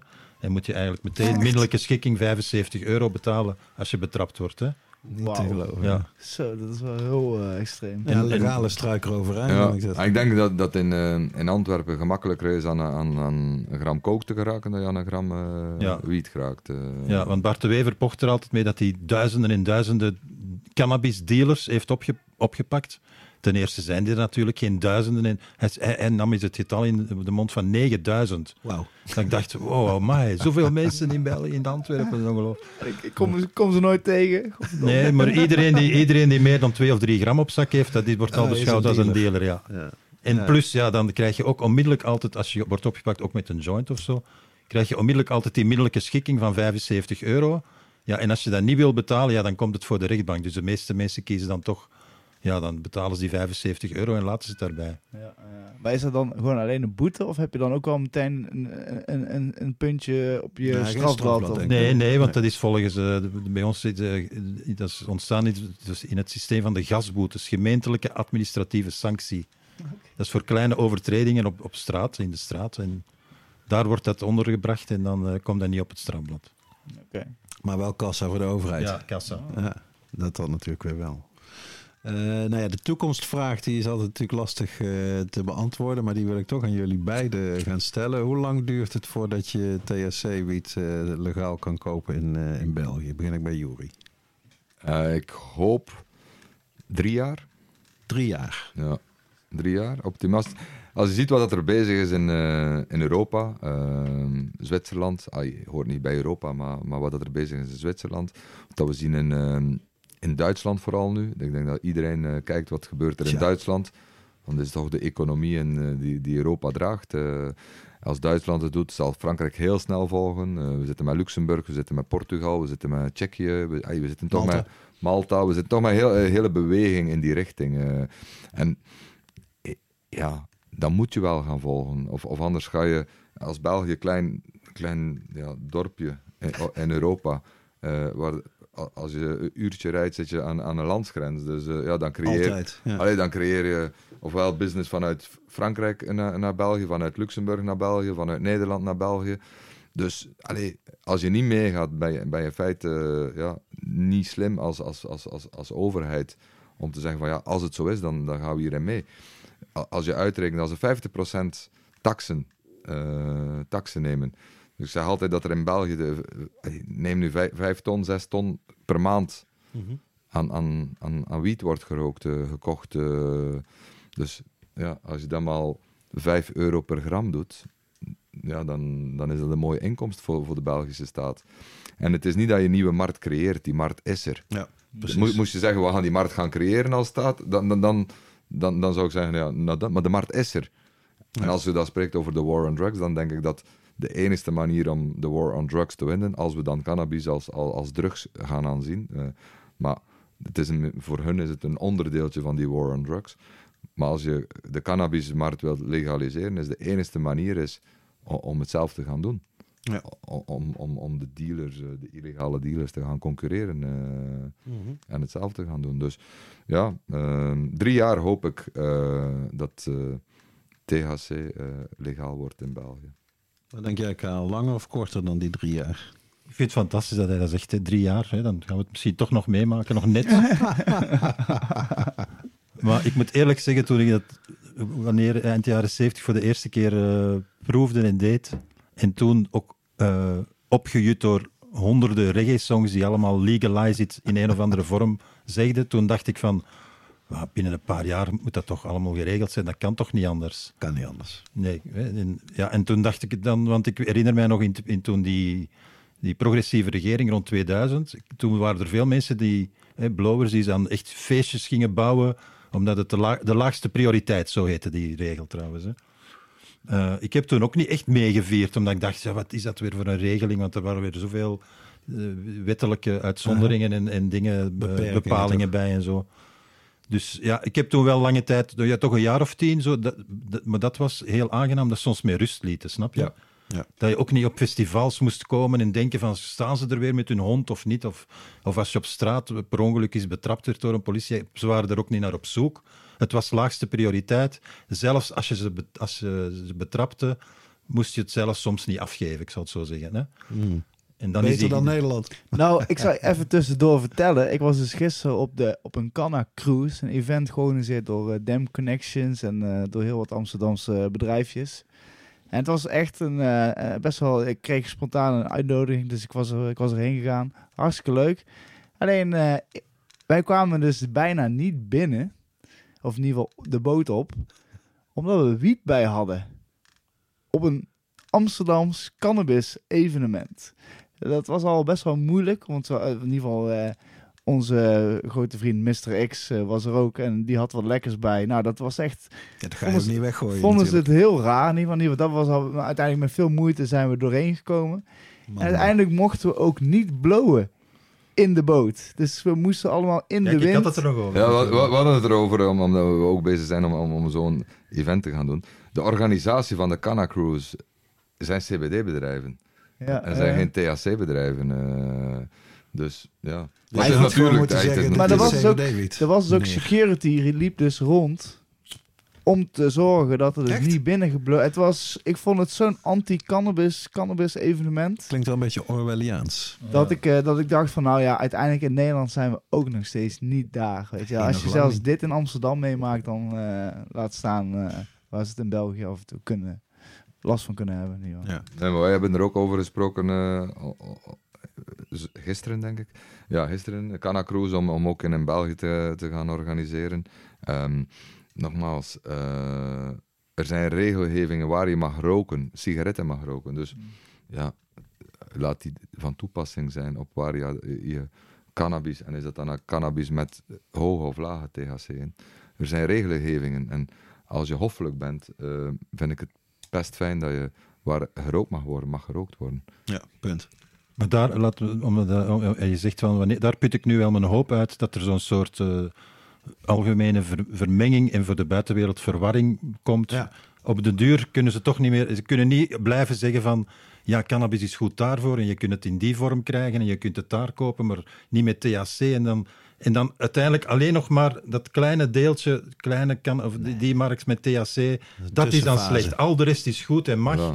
Dus dat gaat toch niet. Dus we zitten in, in die. Daar put ik wel hoop uit dat we in die. En daarvoor zijn dat mensen zoals jullie eigenlijk belangrijk. Hè? Want, eh, En we waren nog in de auto aan het spreken met Karel ook als we hierheen reden. Van, ja, ook al limiteren ze dat THC-gehalte aan 15 of 16 of 17 procent.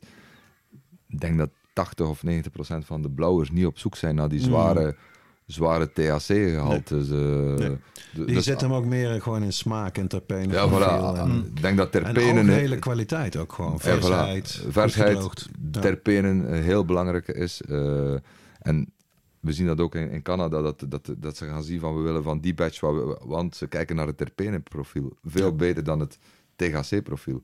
Ja. Waar je kan heel Dat ander is toch effect gewoon hebben een heel met... erg zwarte markt eh, manier. Ja, Om het alleen... ja. Dat is echt zoals met de drooglegging met alcohol. Dat het toen ineens... Ja, mensen dronken wel bier van tevoren, maar ineens was het whisky. Ja, Want dat is gewoon eh, ja, de dynamiek die je krijgt. ja. Dat is More eigenlijk de, bang for the buck. de hash van... eh, Ja. Is Nee, ik denk, ik denk dat je dan net, we spraken daar net over wijn, maar dat je dan echt eh, ja, mensen koopt en te degusteren. En ik wil een beetje een soortje van dit en van dit en met die terpenen en eh, echt Mhm. degustatief. En, en niet voor, voor, voor compleet stoned te zijn, maar echt om een, een relax, een gerelaxeerd moment te hebben en Ja. eh, te degusteren en te proeven van de, van, van de lekkere cannabis. Ik heb de wijnsector altijd echt wel een, een rolmodel gevonden. Ik heb altijd gedacht, waarom, als ik zo mensen zie degusteren in zo'n kasteel, Ja. Dan dacht ik, waarom niet, waarom niet op een kasteel en kunnen wij daar wiet degusteren? Ja. Eh, Maar die zuipen zich ook niet te pletter. Die, Nee, die- die klopt. Nee, nee, nee, nee, nee, dat bedoel ik, ja, ja. voilà, dus Ja.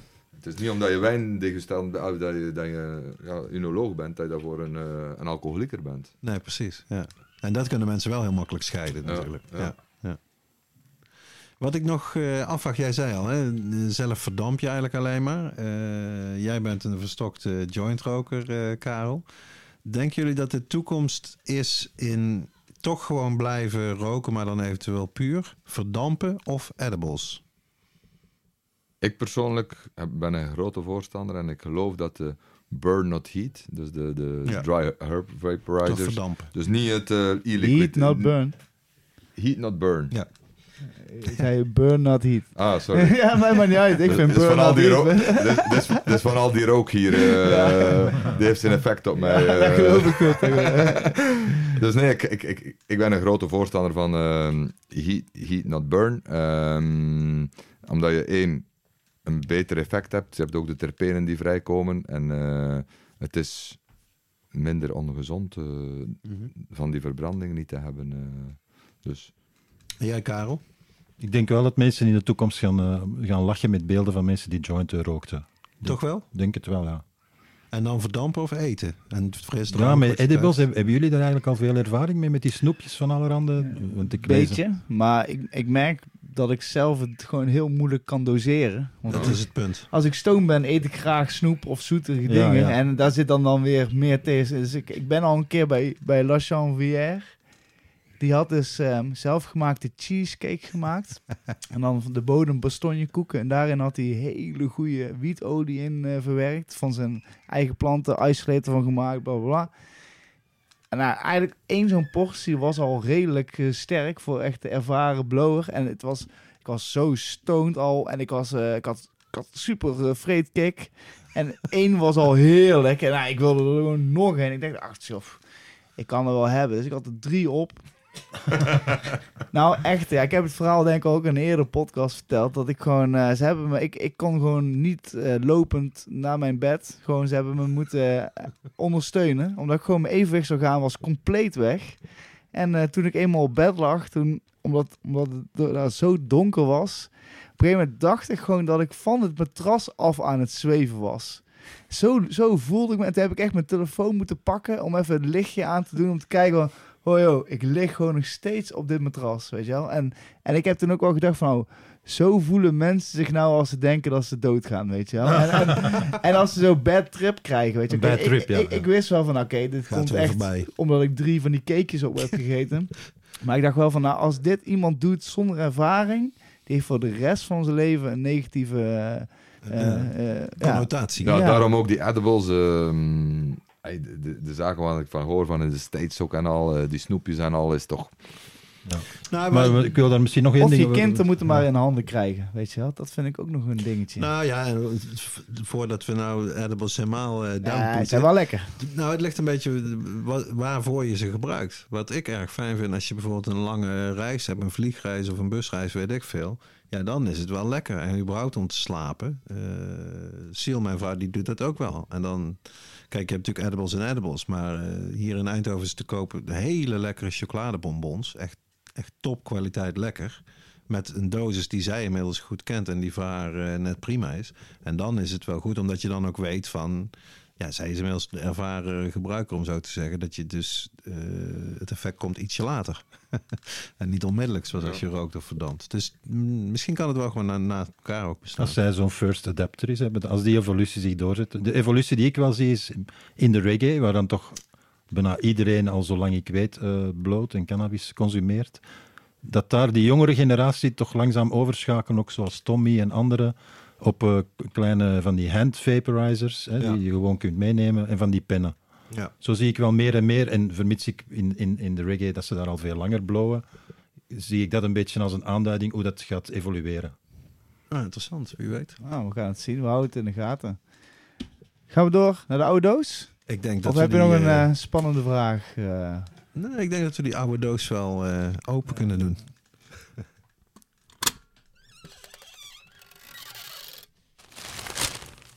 Ja, want ik heb zo'n vermoeden dat er in deze Belgische special ook een Belgisch verhaal in de doos zit. Eh, klopt dat? Jazeker, Karel die had hem eh, net al eh, herkend. Want hij heeft het zelf geschreven. Het is een dik geel boek en dat heet Het Grote Weed Geniet Boek.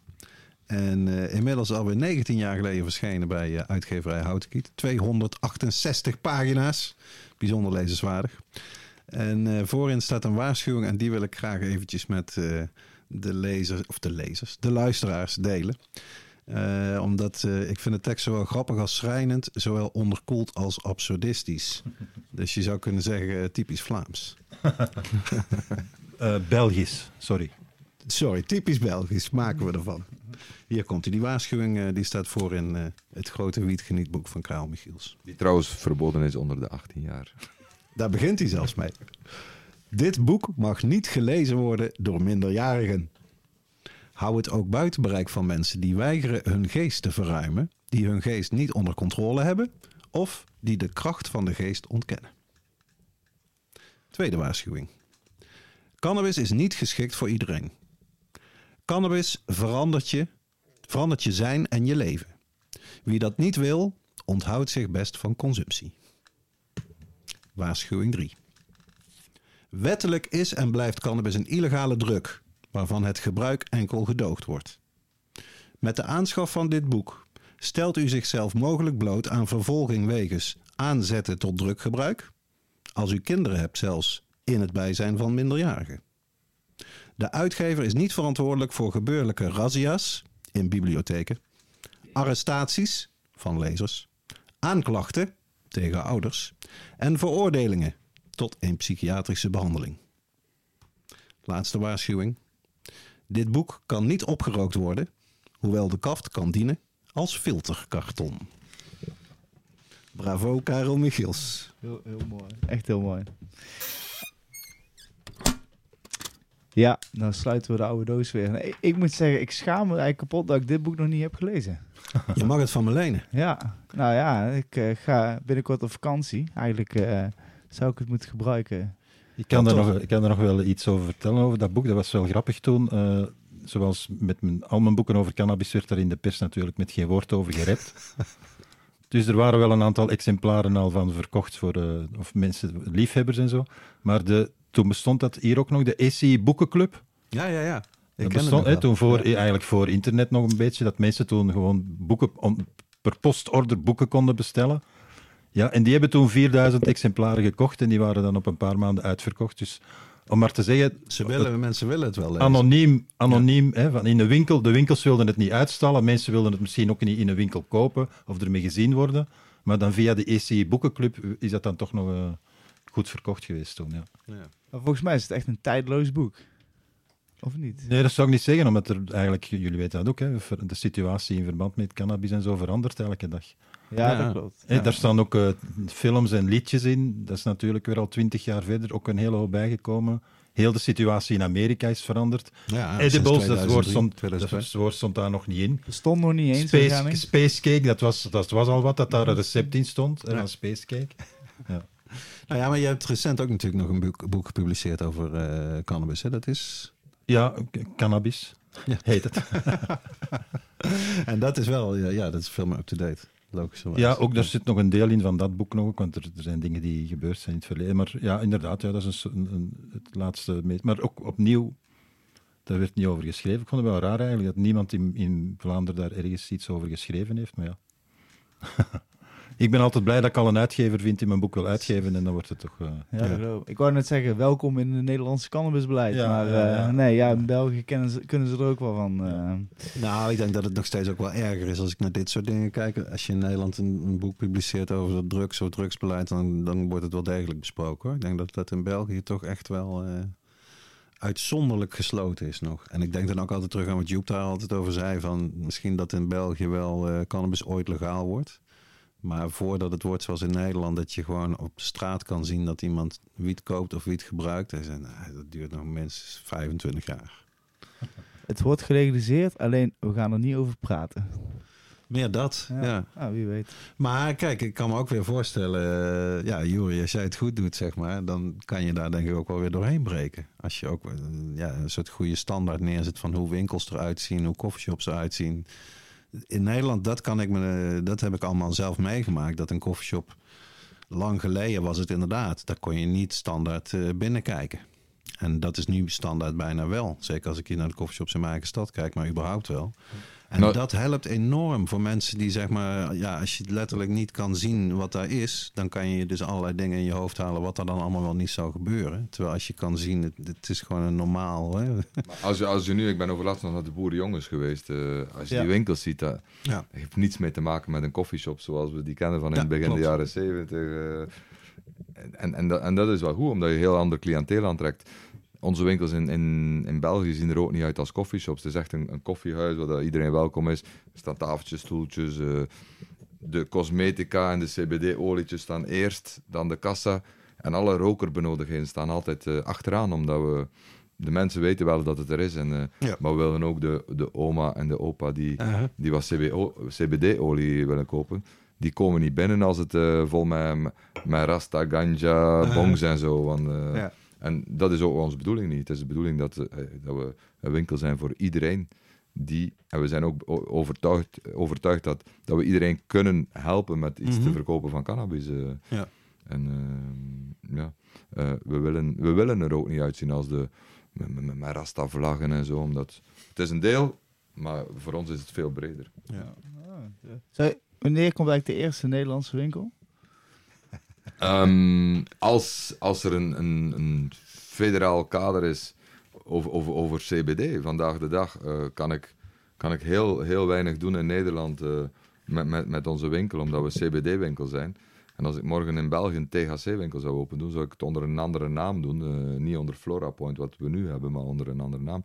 Maar ik zie wel, we hadden nog in de auto erover als we naar hier reden met dat, waarom geen Flora Point, een CBD-winkel in, in, in Nederland? Maar het Tuurlijk. enige dat er weer is, is de, de, de probleemstelling rond de bloemen, eh, CBD-bloemen, worden eh, in Nederland gewoon aanzien als THC-bloemen. eh. Ja. Ik, ik heb een eh, klein CBD-winkeltje zien, geopend zien worden in Maastricht. Mhm. Ook inderdaad met Ja, potjes maar die waren wiet. Duits, toch? Duitse, Duitse bedrijf. En eh, nou, die hebben het echt niet lang volgehouden hoor. Die zijn gewoon dichtgegooid. Die zijn echt dichtgegooid. En eh, ja, dus ehm, nou ja, wie weet, hopelijk in de toekomst. Eh. We gaan door naar eh, reacties van luisteraars. En ik heb natuurlijk onze volgers op eh, social media gevraagd eh, of dat ze een leuke vraag hadden over, over België in ieder geval. En iemand, eh, dat was OG Connection BE, dus eh, waarschijnlijk iemand die zich graag wil inzetten, die vroeg zich af, wat kunnen we doen als gewone burger om het proces van legalisatie te versnellen? Goeie vraag. Want inderdaad, ik, ik, kan nog wel erbij vertellen. Ik, eh, ik, ik, werk, ik heb 4,5 jaar gewerkt bij eh, de Tourmalijn in Tilburg. En dat is eh, net tegen de grens aan eh, bij België. Dus onze klanditie was eh, behoorlijk uh, verbelgisch na een tijdje. En ik, ik, toen vroeg ik me ook al, af, dat, bedoel, er waren echt zoveel Belgische rokers, dat ik dacht, als al die, die Belgische consumenten zich nou één uur van hun tijd, in plaats van dat ze zouden rijden naar Nederland, maar zich zouden verzamelen en zich zouden inzetten voor een beter cannabisbeleid, dan was het al lang gelegaliseerd, voor mijn gevoel. Ja, maar dat is, dat is nooit gebeurd. Ja, En we hebben een aantal cannabisbevrijdingsdagen gehad, ook nog met Joep erbij. ja. Daar was 20, 30 man, altijd dezelfde usual suspects. Ja, ik herinner het me. Ja, omdat de meeste mensen, zoals jij er straks al eens aanhaalde, het is een soort luxe probleem. De me- Ja, ik heb toch mijn wiet, ik, kan, ik weet waar ik hem moet kopen. eh, ik heb geen zin om eh, opgepakt te worden of wat weet ik. Ja. Ja, Mensen eh, hebben heel veel schrik en Vlamingen sowieso om ook maar op een of andere manier ermee gelieerd te worden of aangegeven. Dus als je zegt wat is mijn goede raad, is gewoon altijd wat ik altijd gedaan heb. Ook bij mensen die zelf niet blowen, gewoon altijd mag ik een jointje rollen. En dan mensen eens even schrikken en dan eh, ja, eh, ja, misschien, ja, doe maar. En dan gewoon, en er heel gewoon over praten ook met andere mensen. Allee, dat is toch het minste wat je kan doen. In plaats van je altijd maar alleen maar thuis eh, achter gesloten rolluiken. eh, s- ik zal je zeggen, sinds dat ik eh, ben begonnen bij, of nou ja, ik denk sinds dat wij onze eerste gesprek hebben gehad eh, in deze huiskamer, en dat ik echt bewust heb gekozen voor de cannabisindustrie, ben ik op elke verjaardag, waar ik ook ben, Ja, mensen vinden het super interessant. ben ik, ja, ik wil niet of, eh, maar gewoon, eh, dan staat er meestal een groepje om me heen die alleen allemaal vragen hebben over, en ik rol, dan zeg ik op een gegeven moment altijd, ja, nu krijg ik zin om een joint te roken ook, weet je wel. Nu al heel tijd wordt er gepraat over ja, ja, ja, ja. En dan, en dan draai ik een joint en dan iedereen kijkt. eh, en uiteindelijk willen ze ook allemaal een ijsje. Dus ja, wat, wat je zegt, het is echt wel de tactiek. eh, wees er gewoon open over. En mensen vinden het zo nieuwsgierig. ja. Ik heb bijna altijd gewoon wiet bij me natuurlijk in Nederland. En als ik dit soort gesprekken heb met mensen die echt van toeten nog blazen weten... en dan wacht ik altijd even tot ik een flink eind al heb verteld over die dingen. Ja, ja, ja dat, dat doe ik ook wel. Kijk ja. je eventjes hoe het zo'n beetje valt. Maar dan vraag ik bijna altijd ook op een moment... Heb je het wel eens gezien, wiet? En zo vaak zeggen mensen, ook in Nederland, gewoon dan nog van... eh, nee. En, Ja, ja, ja, serieus. En als je het dan laat zien, dan... eh, ja, je krijgt gewoon altijd een positieve reactie. Ja. Oh, dat ziet er mooi uit. Oh, dat is gewoon een soort bloem of weet ik veel wat. En dat is... eh, ja, ik dus, verschiet daarvan dat, dat, dat, dat er nog veel Nee, Nederlanders zeggen van... Nee, dat is die zwijgende meerderheid waar we het er straks over gehad Dat kan hebben. men makkelijk overschatten. En eh, kijk, we hebben wel ongeveer een miljoen blowers. Maar we hebben dus 16 miljoen niet-blowers. Ja.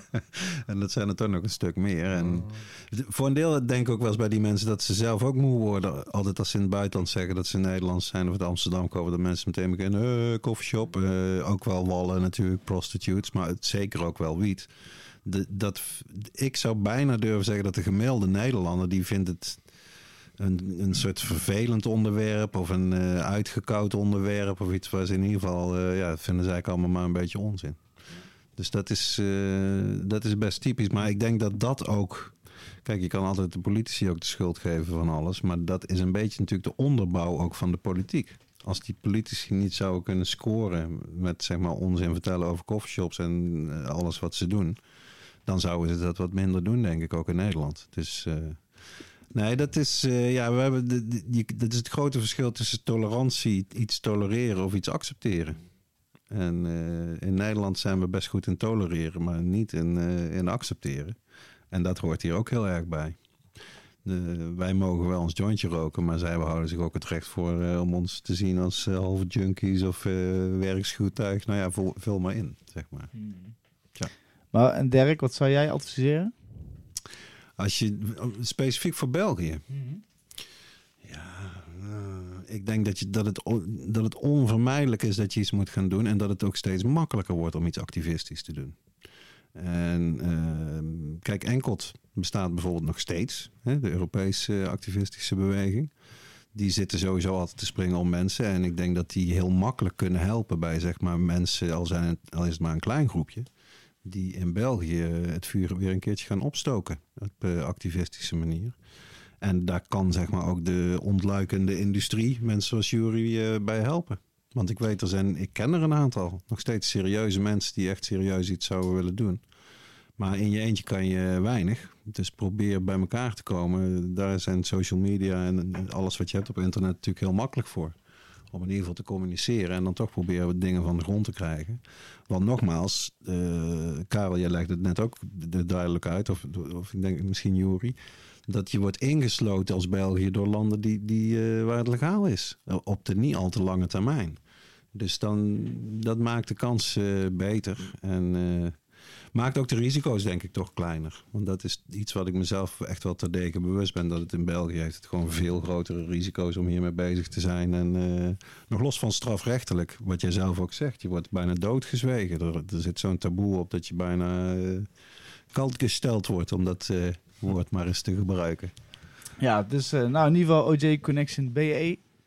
Probeer zelf iets te ondernemen. Wie Ja. weet, als je een vraag hebt, dan eh, kun je altijd bij ons terecht. En kijk in ieder geval ook even op de website van Encod. www.encod met eh, encod.org. Ja. En eh, En voor alle luisteraars, ook als je ooit een vraag, een reactie of iets hebt, vergeet het niet toe te sturen. Kan via Instagram, kan via Facebook, kan via info.hightpodcast.nl met een podcast met een T. En wie weet win je een leuke prijs. En vergeet ook niet je t-shirt maat te vermelden, want vaak zit er ook een t-shirt bij. Dus eh, daar komen we aan het einde van deze eh reactie van luisteraars. En onze, naar onze nieuw, of, ja, nieuwe, onze laatst toegevoegde eh, rubriek. Het kweekhoekje. Het Haiti Podcast. Kweekhoekje. Ja, vanaf eh, 26 augustus is dat dit jaar, is er minder dan 14 uur daglicht per etmaal. En dat betekent dat alle buitenwiet eh, gaat bloeien. Eh, als je eh, auto, eh automatic planten hebt gehad, dan zijn je planten nu al bijna klaar. Zeg maar zo, augustus, half augustus. Maar als je gewoon nog ouderwets en zonder te verduisteren en met normale zaden aan het kweken bent buiten, dan is 26 augustus dus een belangrijke datum. Eh, want nou, eh, ja, je toppen worden elke dag weer een beetje dikker. Schitterende periode. En als je het nog niet hebt gedaan, dan is het nu de tijd om de luchtcirculatie binnen en rond je planten te verbeteren door onderste takken weg te halen en eventueel te lollipoppen. Hoewel er ook wel mensen zijn die ook het eh, weghalen van de onderste takken lollipoppen noemen. Maar dat komt er dus op neer dat je zorgt dat eigenlijk alleen die top aan het uiteinde van de tak goed overblijft. En dat al het kleine spul, wat eh, niets meer dan zogenaamde popcornbuds gaat opleveren, dat je dat gewoon eh, eraf haalt. Zodat eh, de energie en de, de voedingsstoffen in de plant allemaal naar die, de hoofdtoppen kunnen gaan. Zoals bij al dit soort technieken en snoeitechnieken moet je het wel met een beetje beleid toepassen en niet al te veel weghalen, want dat is nooit goed. Laat met name fanleaves zitten, want die zijn, dat zijn toch de motoren van de plant, om het zo maar te zeggen. Die moet je eigenlijk alleen weghalen als, de, als ze vanzelf bijna eraf vallen. Die, eh, die grote fanleaves. En eh, succes met deze schitterende periode, namelijk het begin van de bloei. Inderdaad. Ehm, en mocht je in ieder geval nog een vraag ook eh, over de buitenteelt hebben, Dirk, onze, dus onze kweekspecialist, is altijd beschikbaar voor advies. Dus mail ook naar hetzelfde e-mailadres. En wie weet kiezen we jouw reactie uit en win je een leuke prijs. Daarmee eh, komen we alweer tot het einde van deze 65e aflevering van de High Tea Podcast. Eh, Karel, ik wil je hartstikke bedanken. Hartstikke bedanken. Ook eh Juri, ook hartstikke bedankt voor het komen naar deze High Tea Podcast studio. Ja, super. We hebben denk ik allemaal veel opgestoken eh, over België. En ik heb toch ook wel wat goede moed eh, overgehouden. Die drie jaar.